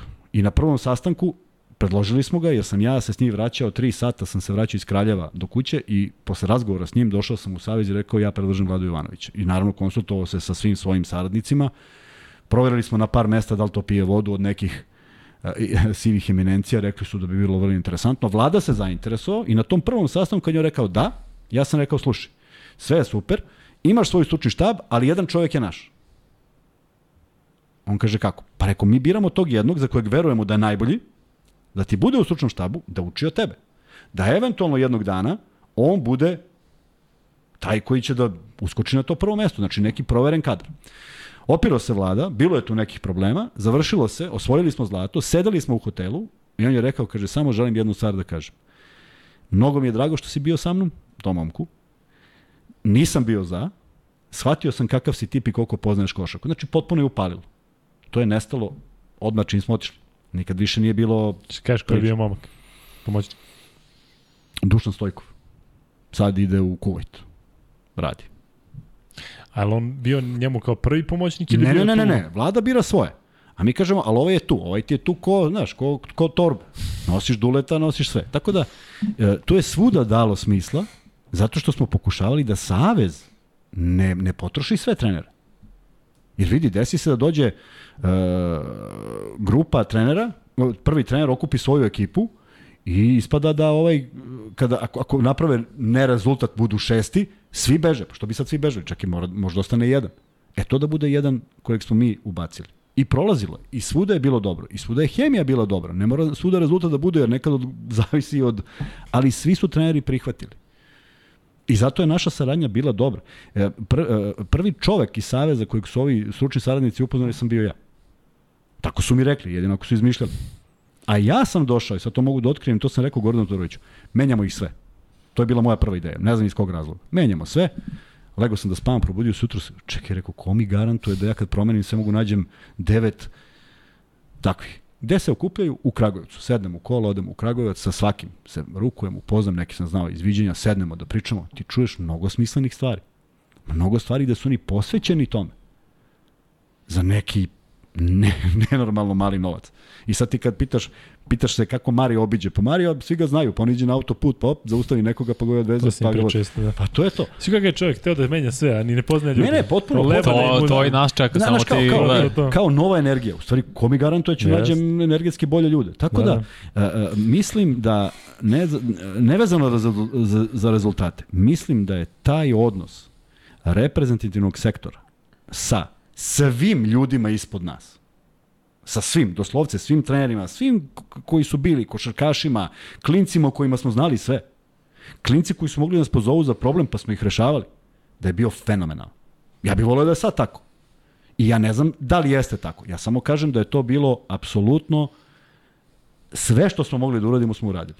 I kada saberem sve propuste, možda je bio jedan i po propust iz nekih potpuno kretenskih razloga da ne bude, da zaboravim još jednu stvar. Prvi čovjek koji se sa univerziteta koji se vratio je bio Nikra Kočević koji je imao samo taj peh, što je on završio ligu u aprilu, pošto ne smiju da treniraju kada završe da, da. takmičenje, pa je on došao nespreman na U20. Bili smo oduševljeni. Prvo, čovjek je razume srpski, Drugo, dono je ozbiljan kvalitet jer mi peticu u tom trenutku nismo imali. I treće, falila nam je ta utakmica protiv Španije pa da uzmemo i medalju. I Vlada Đokić mu kaže, sine, samo da si došao spreman, samo da je bilo još 15 dana priprema, samo da je bilo još nešto da možeš da, da jer kaže njegov, njegov kliker za, za kapiranje akcije, pa kao da je tu s nama x godina. Tako da to su lepe uspomene gde smo apsolutno svako dete koje se pojavilo ubacili u sistem, a s druge strane, nenormalna želja mi je bila da izbacim sve one koji se ponašaju kako se ponašaju. I nisam uspeo u tom. I, nisam ja teo neki krstački rat, pa ja sad se šibam svima da izbacujem decu, daleko od toga. Nego sam hteo da pošaljem... Rat, pa, pa ne, hteo sam pošaljem... Krstački pogrešno ako ima neko ko nije ovaj, hrišćan. O, da. Hteo sam da pošaljem poruku da mora se poštuje reprezentacija. Kao što je taj došao iz Amerike, tako moraš i ti odade da je poštuješ. I nije to došlo ni dok ta tvoja ideja. Niko, niste bar ni na Rekao jedan sam primer. ti, svi su, re, ne, ni jedan primer. Svi su da. rekli da je to fenomenalno. Na nekoj generaciji da kažeš, A Luka, znaš koliko je prosto? Danas piše Luka i sad dođe Vanja za selektora i ne piše više Luka. Kako ti znaš da on postoji? Šta misliš, setio bi ga se? Ma malo sutra bi ga se setio. Ne. On je samo jedan od mnogih. Ne govorimo mi, jer vidi, gde postoji Dončić, pa taj ne odustaje od reprezentacije. Pa nama se nikad nije desilo da su nam najbolji igrači odustajali. Pa što Vanja Marinković i Peno nisu otkazali reprezentaciju? Da. Kuzme, imamo mnogo pitanja, zato moramo da budemo prilično, prilično brzi. Da. Da li misli Kuzma da je Savez procenio sa Pešićem da će dobiti jednu od dve sa ovim kadrom, pa nije igrao Milutinov, Gudurić, Nedović i ostali koji nisu povređeni. Evo, ne znam, ne znam ko, ko se, da li se neko konsultovao, da li je to odluka selektora. Ako jeste, super, nemam ništa protiv. Kaže, ja sam donao odluku i to je to. Ali kažem, mi nemamo ništa, evo imamo iz Hrvatske. Za mnogo jaču, jaču stvar, mnogo toga je rečeno. Hajde neko da krene da priča, ako želi. Ako ne želi, možemo i ovako do sutra, nego mislim, četvrti, četvrti ovakav podcast je besmislen. Jeste. A vraćamo se vrlo brzo, u avgustu ćemo ponovo pričati o ovom. Da li mislite da naši najbolji igrači prave greške kada sklapaju ugovor jer ne stave uslov da mogu uvek da budu dostupni za reprezentaciju? Ne može da stavi taj uslov ako mu nije ponuđen, prosto on može da rizikuje svoj ugovor. Evroliga kaže mi nemamo ugovor za igranje reprezentacija, mi tad igramo četvrto kolo Evrolige, a ti kažeš, e, važi, ali ja po svaku cenu idem. Pa ne ide. E, da li se slažete da je najveći problem na relaciji savez igrači? Moje mišljenje je da igrači imaju neki ozbiljan razlog zašto je toliki procenat ne dolaze ka bitnih igrača. Da li misliš da postoji neki timski otpor? Ne znam da li postoji timski otpor, ali reću ti jednu priču i sad ne mogu setim kako se dečko zove, kako se zove, preziva se Milovanović. Se Milovanović preziva? Milanović, Milovanović. Igrao za zvezdu svoje vreme. Dobro.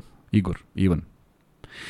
On je došao ko iz puške da igra univerzitetsku. Univerzitetska, univerzitetski sport nije osiguran. On je razvalio nogu i propustio celu sezonu. Jel misliš da ga je neko nešto pitao? Kako si? da li ti nešto treba? Ma jo. Pa kako neko da dođe? Pa šta je s njim posle bilo?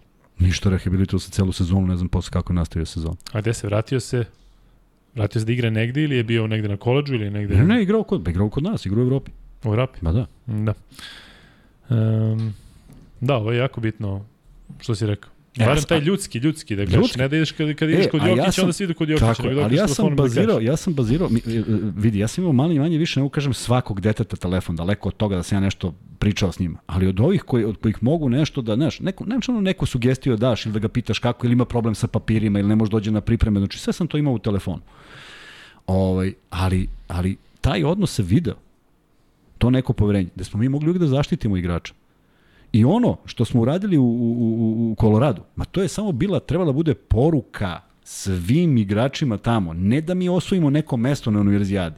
Koga to zanima sem, sem te momke koji se bore? A čuli smo Saša Stefanovića koji je rekao da mu je to bio jedan najlepših e, momenta u životu. Tako je. I znaš koliki trud je bio i ništa od toga.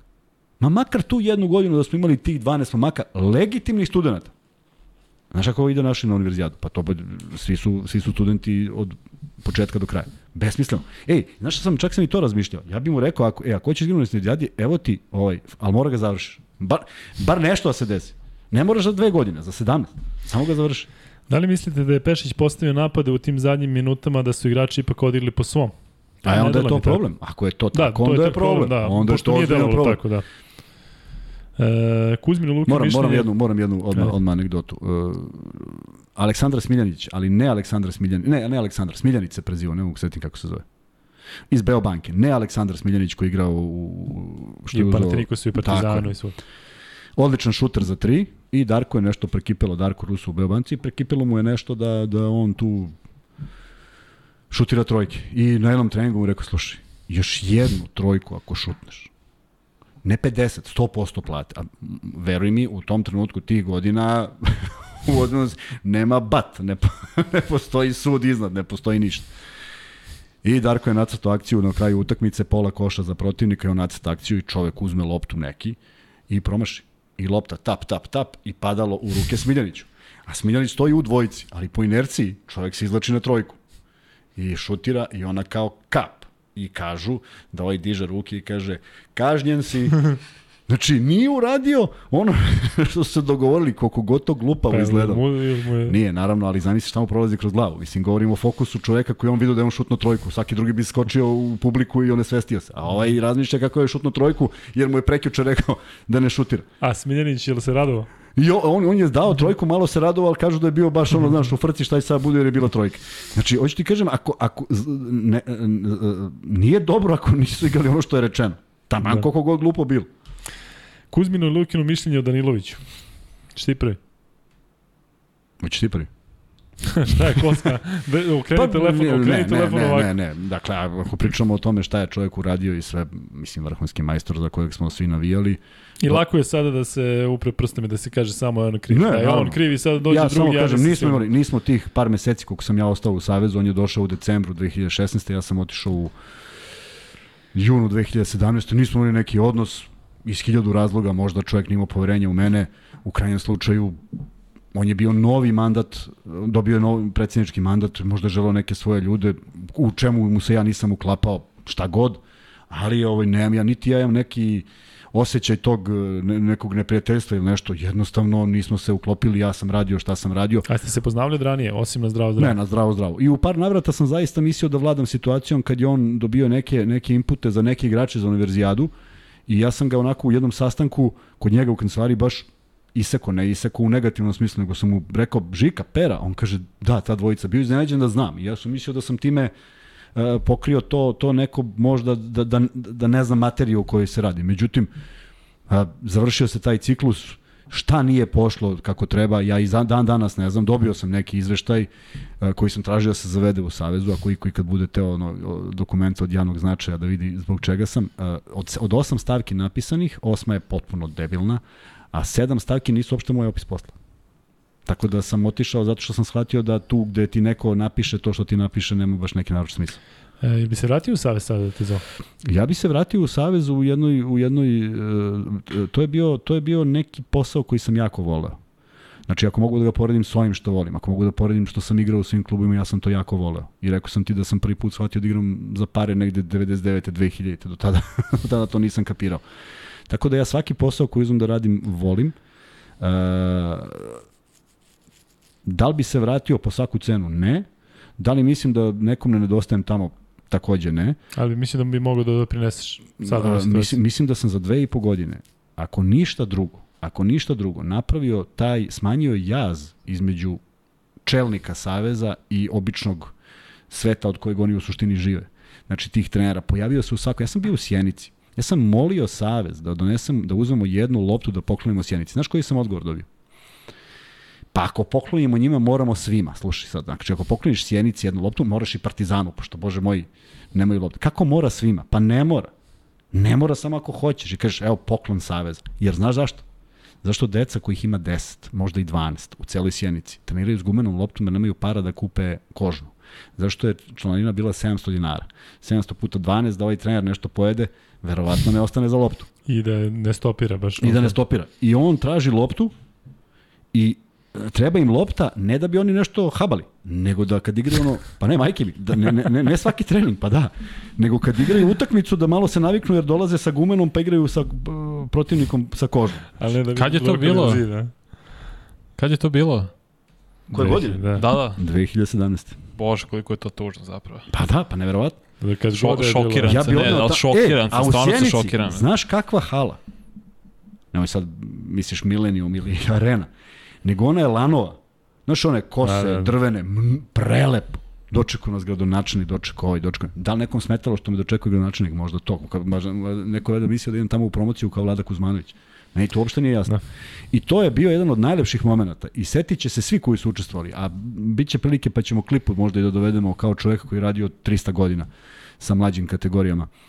E, klipa kandidati za U16. Znači u U16 u kojem se traže samo dvojica. Znači pravimo, pravimo e, sastav od mlađih igrača gde treba da samo dvojica uskoče u, u, u selekciju U16. Znači ozbiljan posao koji ne moramo da radimo. I mi odlazimo Nova Varoš, Priboj, Prijepolje, Sjenica. Spavamo na Zlataru, treniramo u Novoj Varoši, prespavamo na Zlataru, pre podne u Prijepolju, popodne u Priboju, spavamo i idemo u Sjenicu. Možda misliš ritam. Znaš ti kako je to izgledalo tamo? Znaš ti koliko je ljudi to došlo da gleda? Znaš ti u Priboju koliko je bilo klinaca da vidi reprezentaciju, iako je to samo dvojica kandidata, znači to čak nije ni A, nije A selekcija. Čekaj, sad toga nema uopšte takvog nekog onda se znaš ja, ili... Ja ne vidim da izlazi nešto tako. Zato ti treba da. ozbiljno angažovanje. Što neko će mlati po sjenici, kao meni u super tamo odem. Pa čekajte Hladno. ljudi. Pa ne, ja ne znam, ja, ja, ja želim da verujem da je neko bio u sjenici Saveza. A sumnjam. Da. Veliki pozdrav sa Floride, izjava Vlada Đurovića, neće dolazak Jokića ništa promeniti, kao pa eto bio bi Bjelica NBA šampion, pa ništa se nije desilo, nije za poređenje, da li se slažete? Nije za poređenje jer ovaj je u najboljoj životnoj formi a i sad treba da. formirati igru oko njega i reći da je to na neki način to. On nije gladan poena, ja mislim da bi on trebalo da igra istu igru koju igra sa svim onim pasovima i sa svim onim što se dešava, naravno da malo uđu u kretnje gde on to baca lopte, da bude neko ko, od koga mnogo zavisi, ali kad kažu podredi se igra, pa naravno da treba koristiti Jokić, ali ne sada mi moramo da gledamo svi da on daje 30 poena da bi svi bili zadovoljni, naprotiv, da iskoristimo sve to što ima. U krajnjem slučaju imali smo divca, jednog koji nikad nije dao preko 10 poena, pa svaka lopta kad ode pometnja u reketu, pa su odatle i davali poene. Prema tome, da, na to mislim... Da, odigrao neko prvenstvo dobro, pa, ali je uvek bio tu. Pa, da, e, se nije igralo na divca, pa naravno se igralo kad je mogla da bude lopta kod njega da bi, da bi se napravila pometnja. Prema tome, samo treba preslikati tako nešto. Ali da, ne, da niko od njih ne pati koliko poena daje. Kojih 12 po Kuzmi i tebi Luka treba da igraju u prozoru u avgustu i treba da igraju na evropskom prvenstvu. Pa ja mislim istih 12. Sad mislim verovatno ovde sad nas očekuju da nabrojimo 12, ali mislim da naravno treba Ma, da bude ista Ne, isto isto ekipa, ista ekipa i najjača ekipa. Znači ono što će ići na evropsko prvenstvo ako su svi zdravi, daj Kad da se Kad da treba da počnu pripreme za to? Danas. Juče. Mi pričali s prošlo 1. Da. avgusta. 1. avgusta počinje. E, da, znam da počinje, ali mislim da je to kasno. Kad je prvenstvo? 1. septembra. Nije, nije kasno. Nije kasno. Pa da. mora se odmore, prosto mora neki odmor da postoji. Da li mislite da naši najbolji grad, dobro, smo pročitali, zato što mi opet izlaze ovako pitanje. Vanja počeo da se bavi evropskom košarkom. Da, da, ali vidiš kako neke stvari možda ne zna. Da. A, Luka Kuzma, da li mi dalje živimo u prošlosti ili ne? Da li je malo licemerno od Tomaševića što, što je rekao kad je, što što nije rekao kad je bio u Savezu? Pa to, da, je, to, smo ja, ja, to samo tako, mi nije mi jasno. Znaš šta meni jasno? Kako Dončić e, igra za reprezentaciju sada i igraće za reprezentaciju na Evropskom prvenstvu, a ono pravilo NBA lige 50 dana? Mogu ti objasniti kako Ajde, to. Zašto je Dončić jedan najboljih igrača na svetu i ko će njemu da kaže bilo šta? Ne, to vidiš. Čekaj, ne, ne, ali ne, stvarno je tako, pa može Jokić to. A zašto ti misliš da stvarno mislim zašto da NBA liga nije tako neozbiljna da kaže e, ajde sad igri. Pa oni valjda treba i da da štite Ja mislim sebe. da je to više do timo, ne, ako hoće ja sećam Pau Gasol, Marc Gasol su igrali skoro svako prvenstvo. Pa da, ovo, ovo, ovo mislim da je novo pravilo. Ne znam da li su mislim da je novo pravilo. Ovo treba da vidimo, da vidimo stvarno da nam neko objasni iz Saveza. Da li to kažete njihov strah od NBA lige je. ili ne znam šta je. Mislim, ja je, stvarno ubeđen da je do, do toga. Ima pravilo, tu je neki problem, čovjek igra.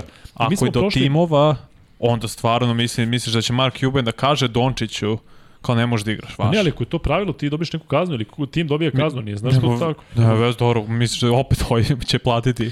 Mi smo prošli Mislim da će Dončić da plati kaznu. ne, ne će platit će Mark Cuban kaznu, šta? Jeste, pa dobro, ali ti možda u denu nemaš takvog lika koji ljudi, sad ide ljudi, pa ali, ali cela ta priča je jednostavno, kako, meni nije jasno kako FIBA to, kako, ja bi to doživio jako loše Znači, ti me tretiraš kao nižerazredno takmičenje. Tebe u stvari ne zanima Evropa. Što, imaš pravo da te ne zanima, ali ovo je direktno upereno protiv Evrope. Nedolazak tih pa da, igrača. ovde ne možemo očigledno da se odbranimo zato što su oni jači. Ali recimo, pa ali... sećaš se kad je, ne, ne znam da li se iko seća, to ja sam bio mali ili posle saznao, kad je Bora Stanković njima dozvolio da igraju NBA igrači na bilo je do, do 92. nisu igli NBA igrači na olimpijskim igrama, pa je odmah Bora Stanković rekao, čekaj, kako su ovi profesionalci, nisu profesionalci. Znači, mi smo približili njima, mi smo im dali sad oni nas kao nešto, o, pa je, nešto tako, kalno. tako, ali vidi, vrlo je bilo prosto, pošto košarka do 90. nije bila profesionalna. Da. E, prošli put smo nešto možda i slučajno rekli ko igra, ko ne igra na evropskom prvenstvu, pa evo sada samo da razjasnimo. U grupi A, Turska, Belgija, govorimo o evropskom prvenstvu. Bugarska, Crna Gora, Španija i Gruzija. U grupi B, Francuska, Bosna i Hercegovina, Mađarska, Slovenija, Litvanija i Nemačka. Grupa C, Estonija, Ukrajina, Velika Britanija, Italija, Hrvatska i Grčka i grupa D gde smo mi, dakle Srbija, Češka, Izrael, Finska, Poljska i Holandija.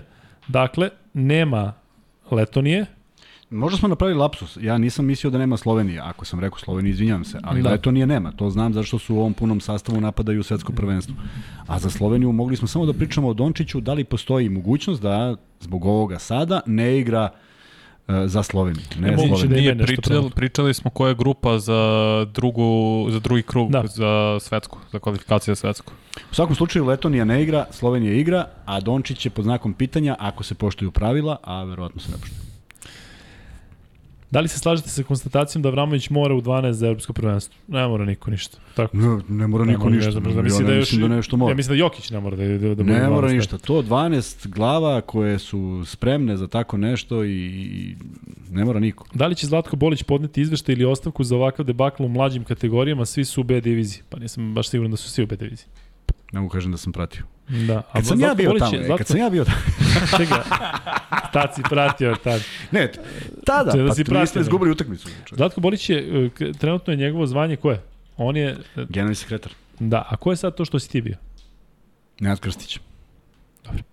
E, čim ne postavlja niko slike na Instagramu, da, da, da, da, ovo je neko zezni.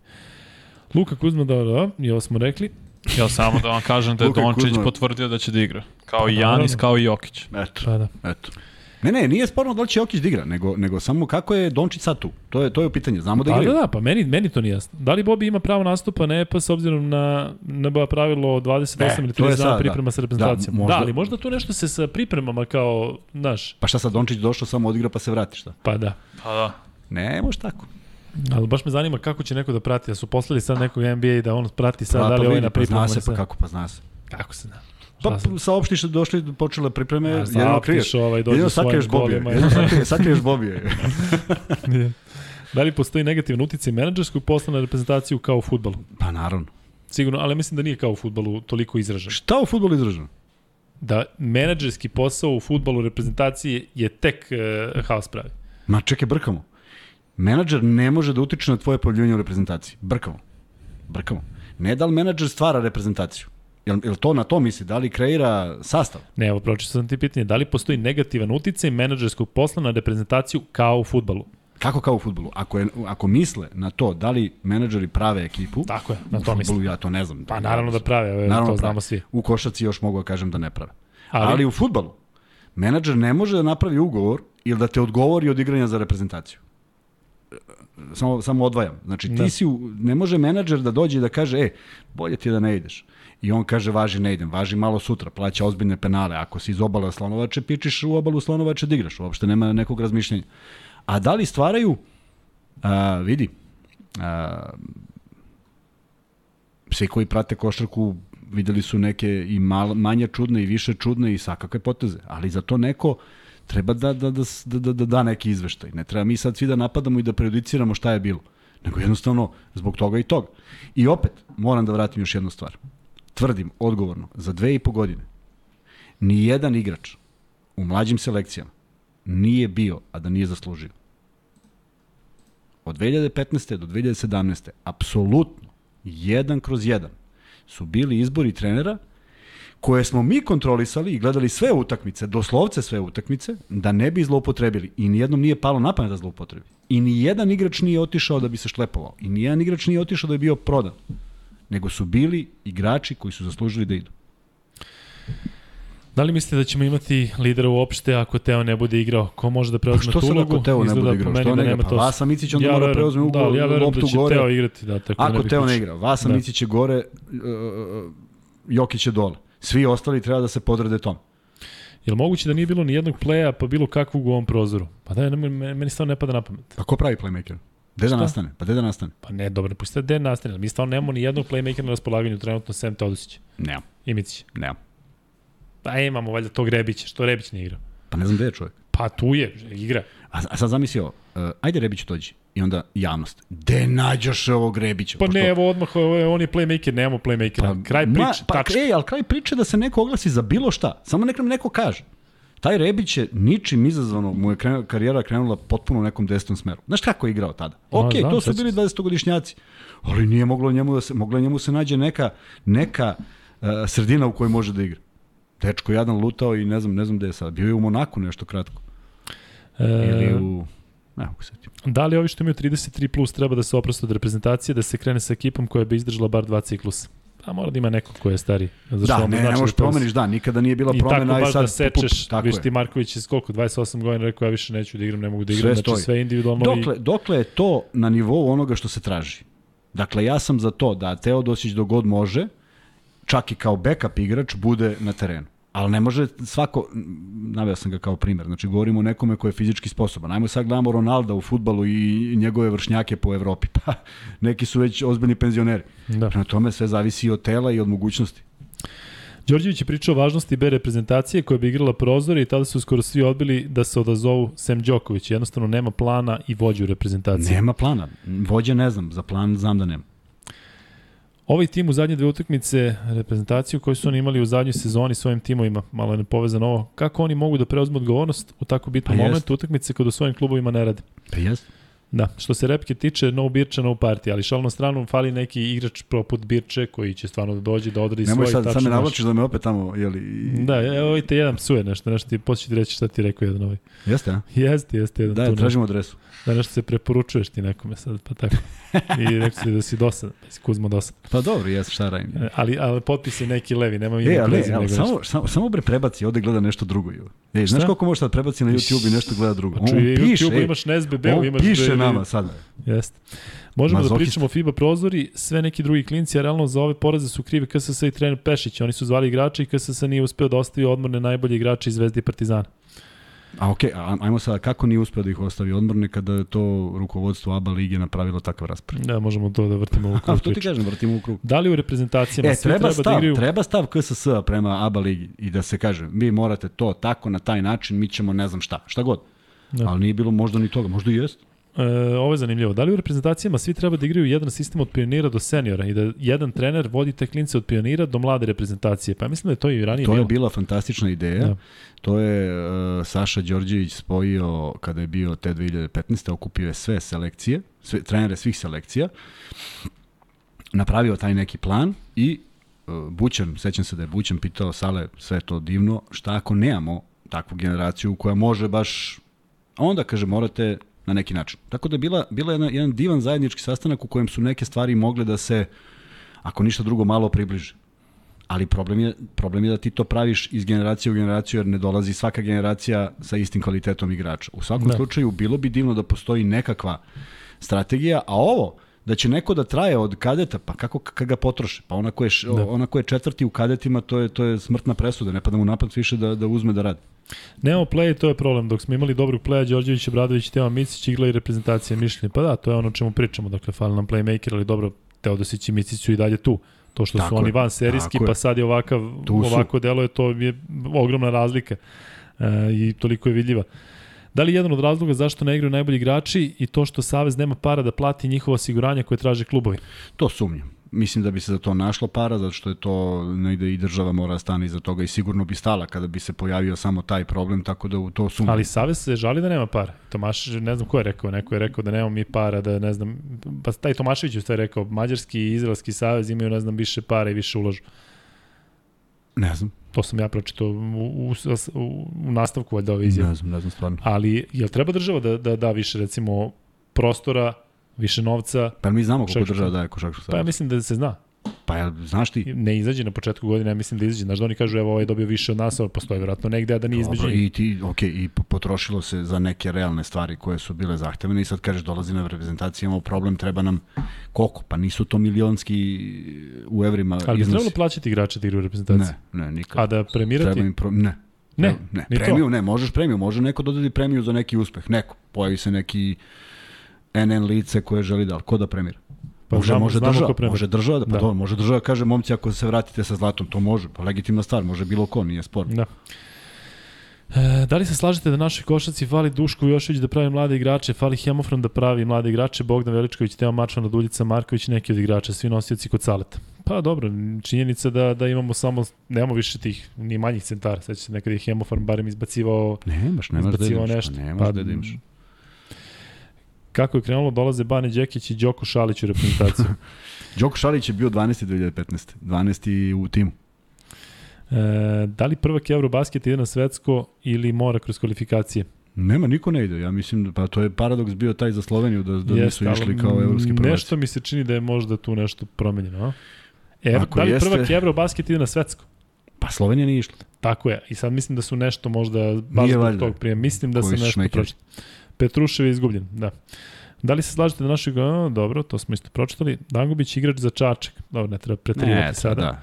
Zašto Petrušev nije išao u igru? Avramović bandažira ruku i samo levom rukom dodaje i vodi loptu katastrofa. Petrušev to je nama bilo naj, najčudnije zato što je počeo vamo, nije, ali opet, znaš, argument je nisi se pokazao valjda na klupu, pa tako? Verovatno. Pa, mi, to je legitimno. Verovatno, e, opet vraćam se na tu jednu anegdotu Darka Rusa, pa kad jedan igrač kaže nije ga razume ovaj trener, nije ga razume onaj trener, nije onaj, nije onaj, on kaže, a možda ima nešto i u tebi. Znači, ja ne verujem da je Pešić sad u nekom momentu ugledo Petruševa i smračilo mu sve i rekao sad ti više nećeš da igraš. Nečim nije zadovoljan. Da. Ako vratimo kako izgledala utakmica protiv Letonije, mislim da jasno može da se vidi da neki defanzivni zadaci pre svega, a u napadu nije lako igrati na nivou protiv ipak jedne uigrane reprezentacije ili igrati ovo što je do sada igrao. A opet ima malo minuta. Da, jeste. U prošle sezoni. E, pitaju nas ovde za U17, nismo stigli ja i Kuzma da, da, danas, da danas ispratimo to. Ali obećamo da ćemo za sledeće Hoćemo, da, ne, ne, da pa i moramo, nema šta, samo nismo da. stigli od posle. I od, i od Nisam ni znao postoji U17. ne, ne.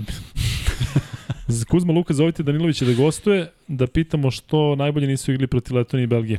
Mislim da su male šanse da dođe, ali možemo prvo. Imamo Vasilija Pušicu na playu. Pa dobro, i to je, i, jeste.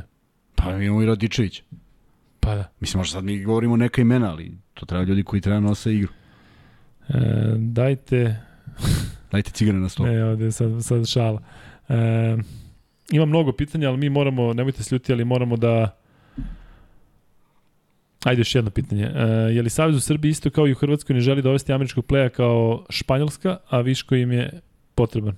A vrlo im je potreban vrat. Video si to oko Lorenza Brauna u Španiji? Sačuje Bože. Pa stvarno sačuje Bože. Ali ne znam da li on ima nešto to Lorenzo, možda ima nešto. Ja ima tražio, nešto što je se dopada. Ne, ali ne, o, mislim da možda ljudima. čak ima, zato što kada uđeš na Wikipediji pročitaš kao American born Spanish, Ma. možda Lorenzo, pa Lorenzo nije, ko se zove pričamo, Lorenzo? Pričamo da bi, da bi ovde zaista to doživjeli kao jedan veliki poraz i negde se donekle se slažem da bismo. Uh, samo zato što, na primjer, u nekim uh, drugim zemljama gde, gde su oni potrebniji, to su zemlje koje su u vreme kada su mi harali Evropom i svetom bile vrlo nepoznate i nevažne. E, nije pitanje zašto su oni uzeli tog playmakera, kako su mi došli da budemo u rangu s njima. E, to je pitanje samo za nas. Nije pitanje ni za koga sa strane. I da smo... mi smo možda ni u rangu sa nekima sada. Neko ima u poslednjih 15 godina mnogo više no, uspeha tako na... Je, tako je. E kako smo mi uspeli? Da, i, ka, i sad svi kažu, to je globalno sve napreduje. Pa čekaj, znači mi sad imamo 140 reprezentacija koje napreduju i Hrvatsku i Srbiju koje propadaju. Pa to je ne, nema logike. Nešto nije u redu. Ako svi napreduju, ako svi igraju bolje, ako igraju sve brže, pritom pojedine igraju, mislim, kako bi ti rekao, neozbiljno za, za reprezentativni nivo. Ali to je, moje, to je moj utisak i ne mora niko da ga deli. Samo znam da smo sami sebi najveći problem. Jer smo uradili mnogo loših stvari po košarku. Kuzma, da pređemo na ove dnevne informacije, Zvezda i Partizan. Ajde. A, hoćeš Zvezdu ili Partizan prvo? Ajde Zvezdu, najsvežije je za Nedovića. Da, to je potvrđeno. E. Ajde prvo to da prokomentariš. A, to je potvrđeno čak i na sajtu Evrolige, ubačen u sastav Zvezde, što znači da je verovatno... Ne, ne, 100% je da, sigurno da 100, više nema da. E, mesta. sad, tu je jedna dobra stvar. Mi smo već pričali o tome, tako? Jedna sad dobra da stvar je, da, jedna dobra stvar je što jedan Nedović dolazi umesto Kalilića.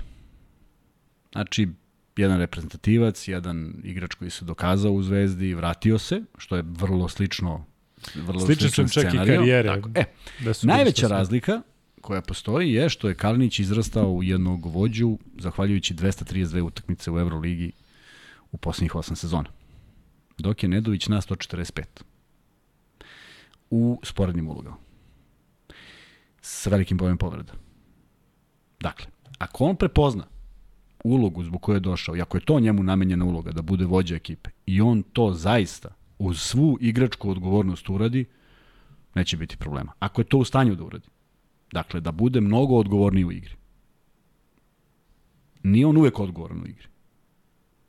Naprotiv igra u ekipama u kojima se odgovornost nije uopšte računala kao pozitivna karakteristika. E sad, da li može da se prešalta, da li može da doživi taj povratak kao velike zvezde, kao čoveka koji iskusio i NBA, možda ne dovoljno koliko je želeo, koji je prošao ipak ozbiljne ekipe, ne sa nekim neverovatnim uspehom u Euroligi, ali ne može ni on da bude odgovoran za tako nešto, da dođe da bude po, po logici stvari, ne znam kakav će biti sastav ekipe i koga će sve zvezda dovoditi, ali to bi trebalo bude ono jedan, broj jedan igrač, ako nije broj jedan, onda je među dva od pojačanja. Prema tome, da li on to može da prepozna i da bude ovo što je bio Kalinić, ova energija, ovo vođstvo, To je malo neozbiljno očekivati, ne može baš da se, da se očekuje da sad on, da imaš jednog igrača koji će tako da se izdvoji. Pa, Nije to realno. Čak koga god da dovedeš, da biraš sad, evo da kažeš, dovedemo bilo koga. Ne može Kalinić baš da se tako sad etiče da Ne, ne, ne, ne moramo da ih poredimo, nego samo da kažemo da li je on taj. Ali sve jedno da bude da... takav igrač koji će se u onakvom timu koji igra timski baš da se izdvoji ipak kao jedan, to je kažem mislim da je čak nemoguće. Da bude bilo ko drugi nego Kalinić. Znaš u čemu je moguće? Sad ću reći u čemu je moguće. Moguće je u jednom izuzetnom arsenalu kojim raspolaže Nedović, znači i dalje je brz i dalje ima dobar šut, ali da odbrana bude jača, da žrtvuje taj neki faul. Da, piše ovde ljudi da je ipak odbrana u odnosu na Kalinića. Da žrtvuje neki faul da napravi fauli kad ne treba, kad je kontra, da ne misli da li igra 32, 36 ili 14 minuta, jer i Kalinić je menjan ove godine kad nije išlo, kad krene u dubiozu vidiš da je prekid filma i spasi ga trener što ga izvede jer, jer ne može dalje posle šest utakmica od po 35 minuta. E, tu odgovornost to se lako vidi. Ne mora da bude savršena, ne može da bude duplikat ovoga, niti neko traži, ali da bude odgovorni. Da igra za samo jednu stvar, a da pobedi, samo da pobedi Zvezda. Ne za sebe. Meni se čini da Nedović i dalje uživa u svojim poenima. A ne može da shvati, to je ono, onaj nedostatak, koliko on pasova može da podeli, koliko ih podeli kad je raspoložen. A znaš kad je raspoložen? Kad je on dao neke svoje poene i onda igra lepršao. Ne, mora stalno. Dobro, ali da li misliš da baš zato što igra u takvim timovima polu neozbiljnim, da se ovo da li sada kada dolazi u sredinu gde se zna da se to očekuje, mora da preozme drugačiju... Ozbiljni razgovori, ozbiljni razgovor od trenera da. kogod bude, slušaj, to se traži i to se vežba. A znaš kako se to vežba? Od prvog treninga gde on krenuo a ti mu kažeš ne, stani nego ponovo. A on nešto pip, pip, pip, a ti kažeš ne, to mora ozbiljnije. Znači, uh, seti se, seti se uh, to naravno više pamte na jači partizana, koliko je insistirao Dulevo Jošić da, da svaki put u, u, na kraju četvrtine imaju poslednji napad. Pa se vidiš da je to slučajno. Pa zašto dođe ta jedna utakmica u, u sezoni koju oni reše? Zašto da. su je vežbali 98 puta? E, tako i ovo ti kad promeniš od prvog treninga i kažeš ne može to, nego ovako, nego ovako, nego, pa mora da uđe. Ako, ako uđe, ako ne uđe, onda, mislim, džaba sve. E, ovdje ljudi pišu da Kalinić još nije otišao zvanično. To sam I pročitao. To, to sam da pročitao. Valencija traži nešto pola miliona. To sam pa pročitao. Pa mene bi radovalo da ostane, naravno. Je. Mislim, bilo bi divno, ali ovaj, nekako, drago mi je što nije definitivno objavljeno, ali prosto sad da pričam sa tog aspekta, ne znam ništa o tome, pa ne mogu ni da kažem neko mišljenje.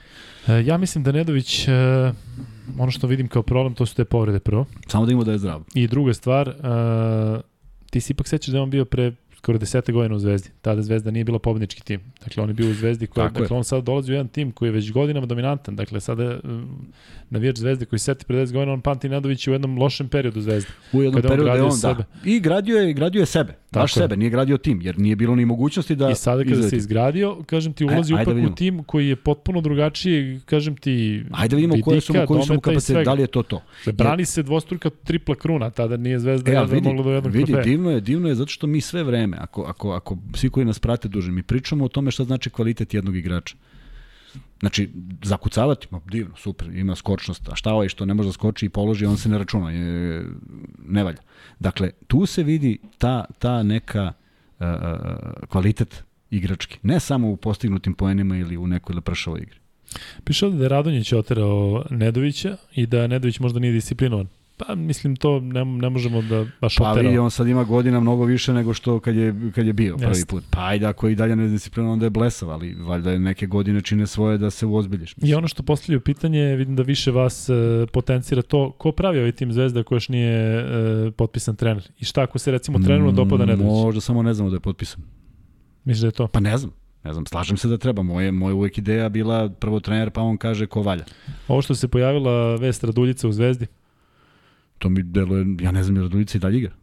Ja ga nisam video nigde od one Kine kad pa sam ga prenosio pre godinu, godinu i nešto. Pa ja stvarno ne znam, znaš. Mislim, negde, negde, negde imati takvog igrača kao backup igrača uvek za. Da je zdrav, da ali, je zdrav. Ali ja ne znam u kom je stanju, mislim, ne, da. što pa ja... dobro, ne bi se vratno igrali sa Zvezdom, ako je to uopšte tačna informacija. Ako je tačna informacija, ali ajde da vidimo. Partizan, ja sam čekad su pitali, jednom rekao da bi Kalates bio idolan, idolan za Partizan. Sada kada je došao Andjušić, kada se već zna da će biti jedan šuter, Kalates bio idolan, a opet mislim da je to ono što smo pričali da povezuju Željkove bivše igrače sa njim, ali opet koliko sam video tu ima neki problema sa, sa Barcelonom. Šta misliš da Kalates dođe u, u Partizan? Mislim da bi on u svakom smislu uživao s obzirom da poznaje Željka. Atmosfera bi ga nosila jer on voli u tome da igra. Uh, meni je žao što taj igrač nije razvio tu još ne, ne, ne 60% šut, nego 40% samo da, da ima. Meni, meni ali dalje, dalje da je glava problem, tako da je glava problem u šutu kod njega. Pa da, ali ne, više i mehanika šuta. On, pa da, ti vidiš on kad stane slobodno bacanje, kada nešto čudno, jeste, jeste, jako čudno, ali uh, uspeo da napravi ozbiljne probleme i sa tim. Uh, sigurno da ima veliko poverenje u Obradovića i on u njega i tu bi bila dobitna kombinacija. Ne znam koliko je to izvodljivo, ali vidim da se i Partizan od Andjušića nije se desilo sad ne znam šta, krenulo se udarnički, sad će ovaj, sad će onaj. Mislim da to ne ide baš tako, da su uvek neke malo vesti koje nisu proverene. Sad ne znam šta je s Petrušem, jer on potpisao za Partizan i to je pisalo, nigde nisam vidio da je ozvaničeno. Nigde, nigde konkretno. Nigde konkretno. Tako da, ajde da čekamo i mislim, e, da pričamo o tim vestima koje su polu vesti, možemo, ali nema nešto pretrano smisla. Znaš šta je meni drago? Što se vraćaju ipak ono što sam pričao, vraćaju se naši igrači. Ako već treba da daš nekome veliku lovu, ovde mm. se pominju velike cifre, znaš, i, i što se tiče, znaš, neko mi, volio bih da mogu naši treneri da pričaju na time-outima na srpskom baš da pričaju na srpskom, da ti sad imaš pet igrača i znaš da će ova dvojica da uđu da ili je, znaš, Jasno. To, to je ono što, što se meni dopada, a drugi stvari, kažem ti ljudski, evo ja gledam sad, pošto sam imao tu priliku da živim u inostranstvu, nekako, znaš, to su ipak sada, barem ove imena koje se pominju i Andjušić i sve, to su porodični ljudi koji sada, znaš, neko mi je drago, čak mislim da i oni biraju, da mu ipak deca odrastaju, odrastaju ovde, možda će posle jedne sezone da ode, ali kažem ti, meni je uvek bilo u glavi, Spremni ako već da nemam tamo, uvek mi je draže da u vrtiću ili negde u školi i Ma, bude jeste, sa Markom, ima neke svoje Milošem, Jovanom i Jasnom, nego tamo sa Johnom i sve i kad dođe da možda...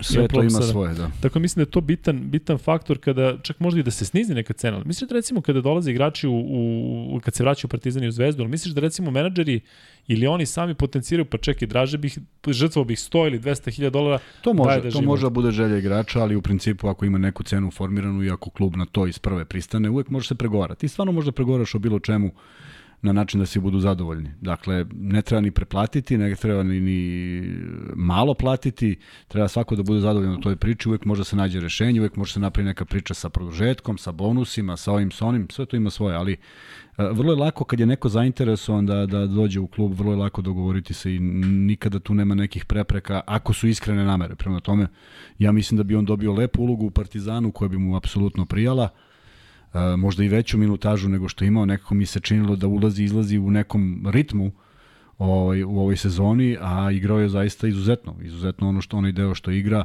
popravio je neke stvari i u odbrani, popravio je i pas igru, Vidjet ćemo kako će to izgledati. E, pitaju se da ovde za Klatesa, dakle pare za Klatesa, ako već znamo da je budžet mora da bude 7,5 miliona. Recimo, ili bi ti to rasporedio tako, govorim hipotetički, da dovedeš ne, sedam ne igrača po milion. ne pitaj mene. Ne, ali jel bi doveo recimo dva prava lidera? Jednog platiš dve milje, drugog milion i po i kažeš, brate, evo vi ste, ubacimo i mlade igrače ili sad da gledaš da raspodeliš, pa ajde da mi svi budu nekako jednaki. Ja bi recimo nemam problem da Klates dođe, ako mu evo piše ovde da mu Panathinaikos nudi 1,4 miliona i kažu Partizan luda ko da više za takvog igrača. Pa bolje nego da, da daš na njega nego da, po, da dovedeš tri madara. I sad ne znaš ni ko je, šta je, ni gde je. Ovo bar ne, znaš... Ne znam, ne znam šta bih ti rekao. Da ne znam da ovaj, povredi se onda ovde Ne znam, uopšte i oni su u godinama i viže svrte sve isti igrači po Euroligi. Malo je sve to čudno, velike su pare u pitanju. A, nekako se izgubila ta srednja klasa igrača koji su činili mnoge timove, pa si mogao da praviš nešto i od toga, pa je neko napredovao, pa neko pravio veće ugovore kasnije. Nekako se vrtimo iste priče. A, mislim da, da jedan klub koji, koji dolazi iz Beograda, Zvezda ili Partizan, i za koje znamo da će kuburiti sa budžetom u odnosu na ostale klubove, da uvek bi trebalo da imaju taj neki neku zalihu para da sačuvaju za onaj moment kada im treba igrač koji će da odigra drugi deo Evrolige i završnicu ABA lige, znači ja bi se tako rukovodio, ne bi po svaku cenu doveo nešto da da, da, da probam da bude među osam po svaku cenu, a da mi isklizne ono što je svima njima prioriteta, to je prvo mesto. Prema tome, stvar je strategije, ono što raduje da jedna i druga ekipa prave neke planove, što znači da će para za Euroligu biti, što nas kao gledalci treba da raduje, a ja se iskreno nadam samo jednom manjem broju stranaca, jer jednostavno takav sam i ne mislim da sam u pravu, ali jednostavno volim da gledam Davidovca i ekipu, pre i Andjušića, pre nego bilo koga drugog, zato što ne vidim da su to došli igrači koji su nenormalno bolji. Pa ja bi, ja, ja, ja bi zaista voleo da ima tako nekog za koje kažeš da dođe taj Shane Larkin. Pa za koga ti, zašto bi iko imao ništa protiv da on dođe u bilo koji klub? Ali nije svako Shane Larkin. Ima mnogo u Euroligi igrača koji ne donose neku razliku. Meni je drago što se pominju ova imena i što dolaze ovakve imena. Kažem ti da je neko rekao pre dve godine da će Andjušić da se, ili ajde pre dve godine, ili Kalinić, da dođe. Kalinić da, Nedović, odlično. Andjušić. Ti pa čak i ova strana imena koje se, koje se pominju. Dobro je da ima para, dobro je da Partizan i Zvezda igraju Euroligu. Znam sad da će Partizanovci da kažu ne valja, da će ovi da kažu ne, Zvezdaši ne valja za Partizan, ali meni je drago da mi govorimo o ovim imenima da treba dođu u Partizan i Zvezdu. Nema ni jednog igrača na tržištu koji je dostupan, a da se odjednom ne pomenje. Možda nije možda nisu pouzdane informacije, ali Daj Bože da, da, da dođu svi, da, da Partizan i Zvezda budu što je bolji. Da, I to je to. slažem se. E, Pierre Henry se ovde pominje kao neka opcija, pa onda ovde ljudi pišu kako će da igra letnju ligu za Washington.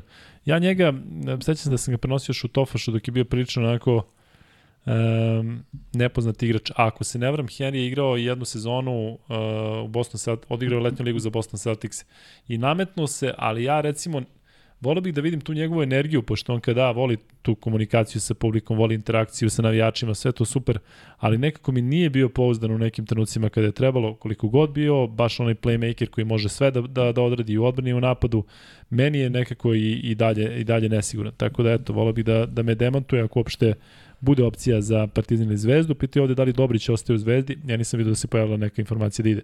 Mm, nisam nija. Ljudi i Kuruks igra letnju ligu, jako malo njih će ostati u NBA ligi, pa da, ne znamo, meni žao za to Kuruks. To i to će je... ljudi čekati, znaš, da vide ko otpada, ko ne otpada, što je opet isto da. normalna stvar, ali i tu ne treba, ove, evo, taj, taj Kuruks je došao, pa ništa nije ispalo. Sve što je da Makabi pot, pot, potpisao nešto sedam životinja nekih. Oni će opet da... da, da, da opet će bude cirkus. Da, znači, ti žao mi za tog Vajlera Beba, zato što mislim da, ne znam Vajler Beba. Da, mislim da su i njega potpisali tamo. Da, Borat mu je tamo, tako da da, ma vidjet ćemo, kažem, šteta, šteta što tako neki timovi se pune igračima, znamo svi kako će da prođu, ali hajde da, da, da, ovaj, da vidimo da vidimo šta će biti sa Partizanom i sa Zvezdom, pa da onda, kao što ti kažeš, da vidimo ko će da, da, da potpiše, pa da onda i komentariše. Tako je. Kuzma, moramo lagano da završamo, nažalost. E, dakle, nemojte se ljutiti, Ajde daćemo vam još nekih desetak minuta da ispostavljate neka pitanja. Znamo da smo snavikli na ove višesatne e, podcaste, ali e, postoji razlog zašto moramo da završimo, a ima veze sa podcastom. Tako, Tako da e, nemojte se ljutiti, ali ćete, ako se ljutite, posle ćete biti zadovoljni, ima veze sa onim što, o čemu smo pričali na početku. Naravno, treba da ispričamo malo i o, o e, NBA ligi, mada vanja ništa se posebno nije dešavalo. Znaš šta bi ja preporučio ljudima iskreno da moramo da pobedimo i free betove, bre. Moraš. Pa je. Imamo, bre, to ima mnogo posla bre, oko ovog podcasta. Prvo pitanje, koji je nadimak bio igraču Lakersa 91. godine kad je Divac otišao u Lakerse? Kako su ga zvali? Na srpskom. Na srpskom. Kako su zvali divčevog sagrača koga smo pomenuli na početku 45. i koji nosi broj 45, kako su ga zvali, već smo i mi pomenuli. Pa, Free bet. Evo, evo, pita Ilija, hoće biti free bet. Hoće, hoće, evo. Ilija Kovačić. E, moguće. E, prokomentariši Bodiroga, predsednik Euroligi. To su nekoliko puta pitali. Šta? Bodiroga, uh, predsednik Euroligi. Da, da. Pa izašlo je, da. Jako čudno i Uh, jedna dobra vest, ako Bodiroga želi stvarno time da se pozabavi, mislim da ga čeka... Izvini, Ilija Mirković odgovorio prvi, Ilija pošalješ na uh, Instagram uh, Luka i Kuzma, pošalješ Max Betov ID i uplatiti 1000 dinara. Uh, ajde sad.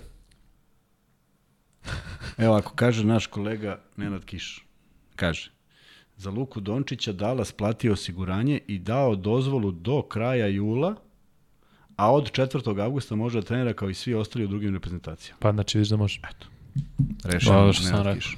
Da. Ovaj, ne, ali kažem ti, nisu sigurno zaobišli pravila. Dakle, sigurno je nešto urađeno po pa ne, zato sam je rekao da je Dallas platio prosto. Da, da. To je to. E, Šta si mi pitao? Za Bodirogu. Da, a, ipak Bodiroga nije bio u, u svetu košarke ovaj, ovih par godina od odlaska iz FIBE. Mene raduje naravno da neko bude sa ovih prostora, jer ne zato što je to pobeda srpske košarke, kako ljudi vole da gledaju. A mora da je nešto pobeda srpske košarke. Pa da, da, stalno ja nešto negiram. Ovaj, kad imamo dobre rezultate. Ovaj, dobra je stvar ako, ako zaista spremno da se uhvati u koštac. E, jako teško, mi, mislim da je generalno jako teško bivšim igračima da se bave takvim, da budu na takvim pozicijama. Znaš, Bodiroga je bio jedan majstor svog zanata koji nema kalkulacija, igrao je da pobedi. On sad treba da upozna nekih 18 glava drugih koji imaju neke svoje ideje, da svakom tu negde neki njihov interes i zadovolji, da bude dovoljno korektan prema svima. Mnogo je to diplomatije i politike, znaš. A ne znam koliko su igrači, bivši igrači to kapaciteta gde je sve vrlo jednostavno. Uzmeš loptu, mozak radi najvećom mogućem brzinom da uopšte razume koji su odnosi tamo. Voleo bi da to ispadne kako treba, ali još nisam dobio nikakvu zvaničnu informaciju, niti se Bodirog oglasio po tom pitanju sa nekim Dobro, i ranije je to bila opcija, sećaš se sad bila jeste, da, da, da se baš pojavilo isto, kao sigurno. Se, pa da, daj Bože, ali da vidimo šta je, šta je, kako to izgleda zaista u stvarnosti. Da. E, Vanja, e, ima pitanja za NBA ligu, zanima vaše mišljenje o bizanom tradu Gobera u Minnesota za pet igrača i pet draft pikova. Mislim da je to baš kiks iskreno bio za Minnesota. Pa da ne misliš da sada grade tim da, da već naredne... Pa grade za sada. Mislim, zato imaju talent abnormalna Minnesota i Anthony Edwards i Carl Anthony Towns i DeAngelo Russell, ali ne mogu da zamislim i Townsa i Gobera da igraju. Kapirano na Carl Anthony Towns ne želi da igra 5, želi da igra čovjek 4, 3, šta god za, da je zamislio i da je to neko prirodno rešenje Gobera, ali da je Gober sada neka solucija da Minnesota bude odjednom najbolji tim u, u, na zapadu, ili top 3 4 tim, to je već malo pa dobro, ali teško mislim da će, mislim da će da će se boriti, da će biti sigurno bolje plasirani nego ove godine. Meni bar Koje su bile ove godine u pa play u play da. Pa završili sedmi Patrick Beverly slavio kao da je bila da, šampionska da, titula i na kraju njega tradeovali. Pa mislim da je, mislim da je i to glavni razlog, znaš, imaju sad mlad tim da više ne čekaju nego da eto ti sada i to što će Anthony Towns da se spusti na na četiri To može da bude samo dobro. Mislim da će ga Gupe rasteretiti, da će ih sve rasteretiti u odbrani. Neko mi deluje da, znaš, bit će mi interesantna Minnesota sledeće godine. Ne bi me, neće me začuditi ako bude kanal, ali, kažem ti, sa ovakvim imenima... Mislim samo da je previše dato, da je to u suštini četiri pika iz prve runde plus ovog što su draftovali Kesslera ove godine, znači pet pikova u prvoj rundi i još četiri igrača. Da, Šta treba za Durenta da bude onda? Da. To, to smo pričali pa, stvarno. Vidio si da je Vodž rekao da tipa će biti najveći ono da traži jedno gol stara i još nekoliko igrača, još nekoliko Piko, pikova i tipa sve, i lovu i sve. Sve, znači, sve moguće. Pa dobro, i mislim u suštini i, i treba. Um, Imam ja nešto preko maila na Izvini, samo kažu sutra je zvaničan sastanak Euroligi i trebalo bi Bedoregu zvanično objaviti kao predsednik Euroligi. Crni Grobar javlja, Crni Grobar koji je kasnio. Crni Grobar sve zna. Crni, Crni, Grobar, Crni Grobar se izvinio što kasni, ima čovjek obaveze, tako da znamo, obaveze, znamo da je opravdan. Neke važnije stvari. Pa de, mora da bude i nešto ovaj, važnije. Uh, Bojan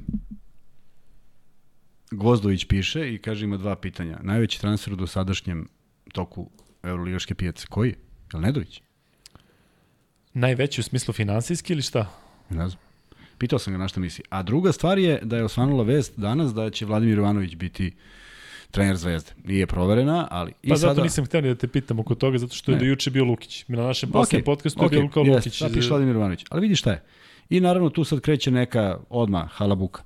Uh, imali smo zaista želju... Vlada Ivanović kog si ti pominjao kada si radio s njim u Savezu. Ne, ne, ne, ne, Vlada Ivanović iz Partizana. Da, Vlada Ivanović, a Vlada Ivanović je bio isto u jednoj selekciji, tako da jesam radio i s njim.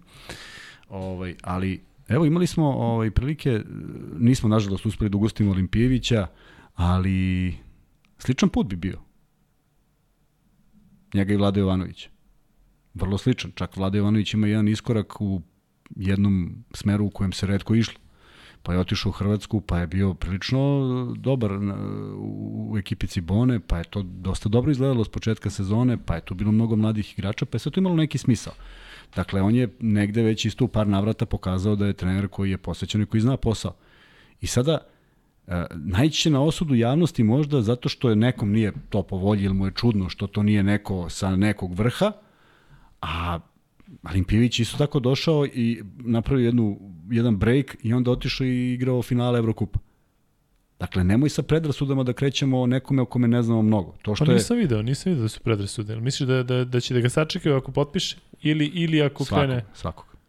Svakog. Već da. je bila, već bila pa. A znaš šta me zanima? Ako je stvarno kako, kako bilo on, realnih... Kako on ako dolazi ne dođe? A što? Pa, pa imaš trenera kojeg poštuješ. Naravno, da, nije bitno sad da moraš da, da dođe da Greg Popović da, da bi ti igrao. Sad ne, kao ja, ja kao sad gradim koga ja hoću da poštujem, pa ne ide tako. Da, ali, znaš šta me zanima, recimo, dajem za, sad primjer Lukića zato što je aktualno.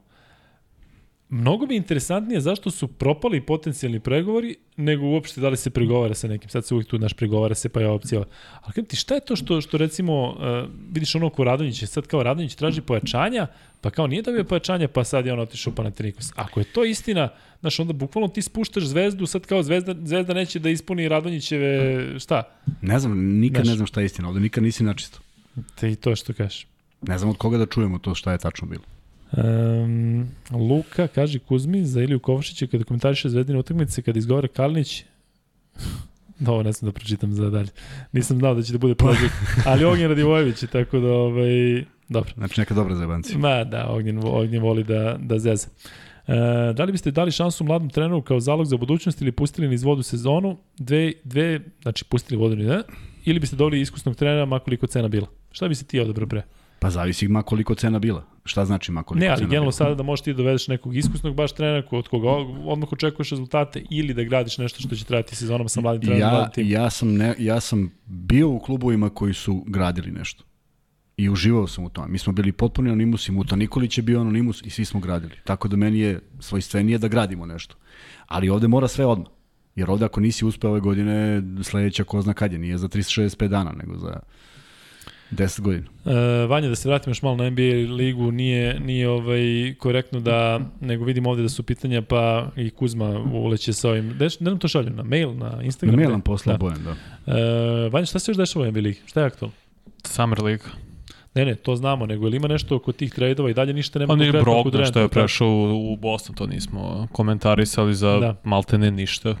I mislim da je, Bos, da je Brogdon igrao sad za Boston finalu da bi bio značajno, da je bi značajno doprino. Ma I no, da je ovo odličan potes. puno, znaš, se ruki godine pa ga nema, pa onda odjednom nešto, nešto, znaš, ne pamti ga da je bio povređen, ali nekako ga ima pa ga nema, nekako mi nije konstantno. Dobro, sad će biti treći, četvrti, peti da. najbolji igrač na, u šampionskom timu, potencijalnom šampionskom timu.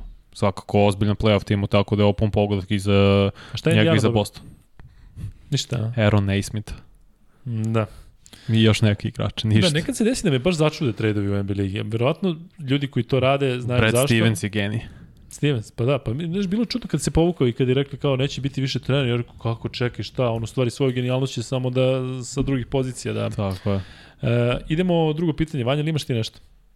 Ne, mi još To drugo pitanje. E, ne, pazi, ja A, drugo mnogo pitanje teško za free bet. Ima mnogo teško pitanje koje Da, daj nema, sada. nema, znači morat će neko da je gleda. Ako gle- gledaju u Google, možda i nađu. A ako ne gledaju u Google i ko to odgovori, taj je car. Dakle, nadimak Pola Pirse je Vanja koji? The truth. Tako je istina. I to mu je šek nadenuo neke 2000 i ne znam koja. Da. U mom omiljenom filmu, koji verovatno smo gledali ja još trojica, košarkaški film, sa početka 90-ih, kaže moj omiljeni film, i reći vam da glumi Hakim Olajuwon se pojavljao na trenutak. Je prvi put uh, obiljen, odnosno prvi put si je taj nadimak provučen. Kako se zove taj film? Eto, ko odgovori Dobro kako se ja zove već taj sam film? pitanje... Ne, htio sam da kažem kako se zove glumac, kako se zove ovaj, ali ajde, Kako zove kako se zove film gde je prvi put upotrebljen nadimak istina, odnosno The Truth. I, Ne lupaj čoveče. Pa možda sam sad sam se pričam o svom omiljenom filmu, tako da... E, Ajde, Aj, treće pitanje. Vanja, čekaj, Ne, da na drugo. Ne, ne, sad su rekli Truth. Kako se zove film? Gde je upotrebljen taj nadimak, a glumi, glumi Hakim Olajuwon. Malo poznat film. Evo, reću vam, dakle, u Čikagu se dešava na ulici, Dakle, jedan kao lokalni trener skuplja neke igrače, pa jednog nekog ubiju na početku, pa onda dolazi neki belac da bude trener. Imate na YouTube-u taj film, samo da vidimo ko će da odgovori. U Zmajevom gnezdu nije. E, coach, coach Carter nije. Tako nešto. Ma, evo ga ne znam. E, ovo je dobra forma, fora ako je stvarno u Zmajevom gnezdu, ovaj, ako nije mislio ozbiljno. Dok oni pišu, Bojan po, po, pojašnjava, kaže, koje je ime najviše... Heaven is a playground. Bravo Antone Baždariću. Piši Antone Baždariću Anton na naš... Baždarić. e, svaka čast. E, Svaka samo, čast. samo da postavim pitanje, ko je, koji je ovo vezano za transfer koji je postavio, ko je najviše, ime koje je najviše odjeknulo u košarkaške javnosti? Šta je tebi najviše odjeknulo? U evropskim ovim prelazima? Da. Pa mislim možda zato što Nedović sada smo domaći. Ali... Nije, nemam nikakav, ono, naš, dekolo u Asfelu mi je, kako bi ti rekao, Onako, nije mi, prirodno. Da, Da, nije... da. Nije neki, Jel neki, Wilbekin neki, prešao Jeste. u Fener? Pa nije zvanično. Fener. Ko? Jeste, Wilbekin u Feneru, zvanično. Jeste, pa Piše na Wiki, nisam nešto Ne sam znam da gledao ne znam. Aj baš u kuci Scotty Wilbekinov. Neću. Evo i Stefan Lif- Listica kaže Heaven is a playground, ali Opa, dvo, još, vas trojica ste gledali tako? da, da, gledat ćeš ga ti večeras, ti voliš onako da, da, Da, da, budeš u, da u Love and Basketball. Viš kako sam post- postavio maratonci? Uh, Basketball Diaries, nije, nije. Uh, ovo je baš onako underground film. Uh, I kažem, ja ga obožavam, zato što baš onako prikazuje Ameriku kako sam ja odrastao gledajući Ameriku na televiziji, onda sam potpuno drugačije video kad sam otišao tamo, ali kažem, film koji meni ostao ovaj, u sećanju, mislim da je napravljen 1991. godine i eto, e, bravo za Antona Baždarića, Antone piši na Luka i Kuzma i dobit ćeš 1000 dinara na Max Betu. Treće pitanje, ajmo. Stefan Listica i tebi isto hmm. čestitke i Stanko Škugor je odgovorio. Šta treće pitanje? Luka, Stanko Škugur. pazi, meni Nikola, e, ovaj naš Nikola iz Požarevca kaže Luka isti klavel iz 3x3 Porto Rika. Bravo što, što pratiš. Ovaj, Gilberta Klavela, Njegov brat Gijan je nešto potpisao za Prometeja, mislim. On će igrati Eurocup sledeće godine, onaj bolji klavel od ove dvojice. Jeste zvanično Wilbekin u Feneru, platili ga Makabiju za 1,2 miliona dolara, javlja Crni Grobar, dakle on kad kaže to nema više. Stiže, stiže ono, nije kao jeste potpisao, nego informacije koliko, kome, šta, sve kako treba. E, imamo li treće pitanje, drugari? Vanja, E, sad ti ono jeste tvoje, na sajtu. tvoje Koji, koji je rekord u Summer Ligi po broju blokada na jednom meču? U, gledao sam to, to znam, e, to znam, ne znam ko, ali Aha, znam zbog ko ovog, je. zbog ovog sinoć. Da, da. Pa preksinoć. Evo, čekaj, I ko je? ime ili koji broj? Ne, Broj, pa broj ime. Ajde, reci još jednom. Ko je? Ko drži rekord po broju blokada na jednom meču u Summer Ligi i koliko? Da. Sad kad krenu da greše sa, sa izgovaranjem. Pa ne, baš da. Samo ko precizno izgovori. Slobodno, izgovori- slobodno, Kao- slobodno, da, slobodno. Pa, paka.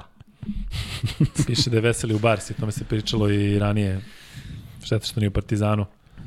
Nema nekih sad vesti iz NBA, ima da je kao Durant otišao totalno u dark mode i da nikom živom se sad ne javlja. Pa, Da moj nekoliko zvezda ga je tako ću ja. cimalo na telefon Znači i nije samo... samo što smo ga mi tražili Nikola za sedam, nije. pišu da je sedam blokada. Nije. Nije, sedam. A i morate da napišete ko. Ilija, e, ti jesi prvi, ali morate da napišete ko. Dakle, evo sad svi pišu 6, 12, 6, 6, 6. Morate da napišete i ko je, e, dakle 6 jeste, Uh -huh. ali ko je, ko je, evo sad pišu samo ime. Vanja, ti kad uvoliš kosku, znači ovde sad izlazi 7 Holmgren, nije, 6 Holmgren username, username jeste. Username, Jest. ti si u pravu, uh, Chat. pošalje nam na Luka i Kuzma, ID Max Beta i dobiješ hiljadarku i onda peglaš u 17 sutra i Bog da te vidi. E, dobro, ti kad postaviš pitanje, stvarno odgovaraju najviše.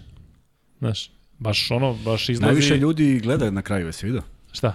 Pa čekaj, vanjeno pitanje. Pa to misliš da se po, poveća ovaj. Dobro, e, jesmo stukli dva sata, da, jesmo? jesmo i Jesmo. idemo dalje, da.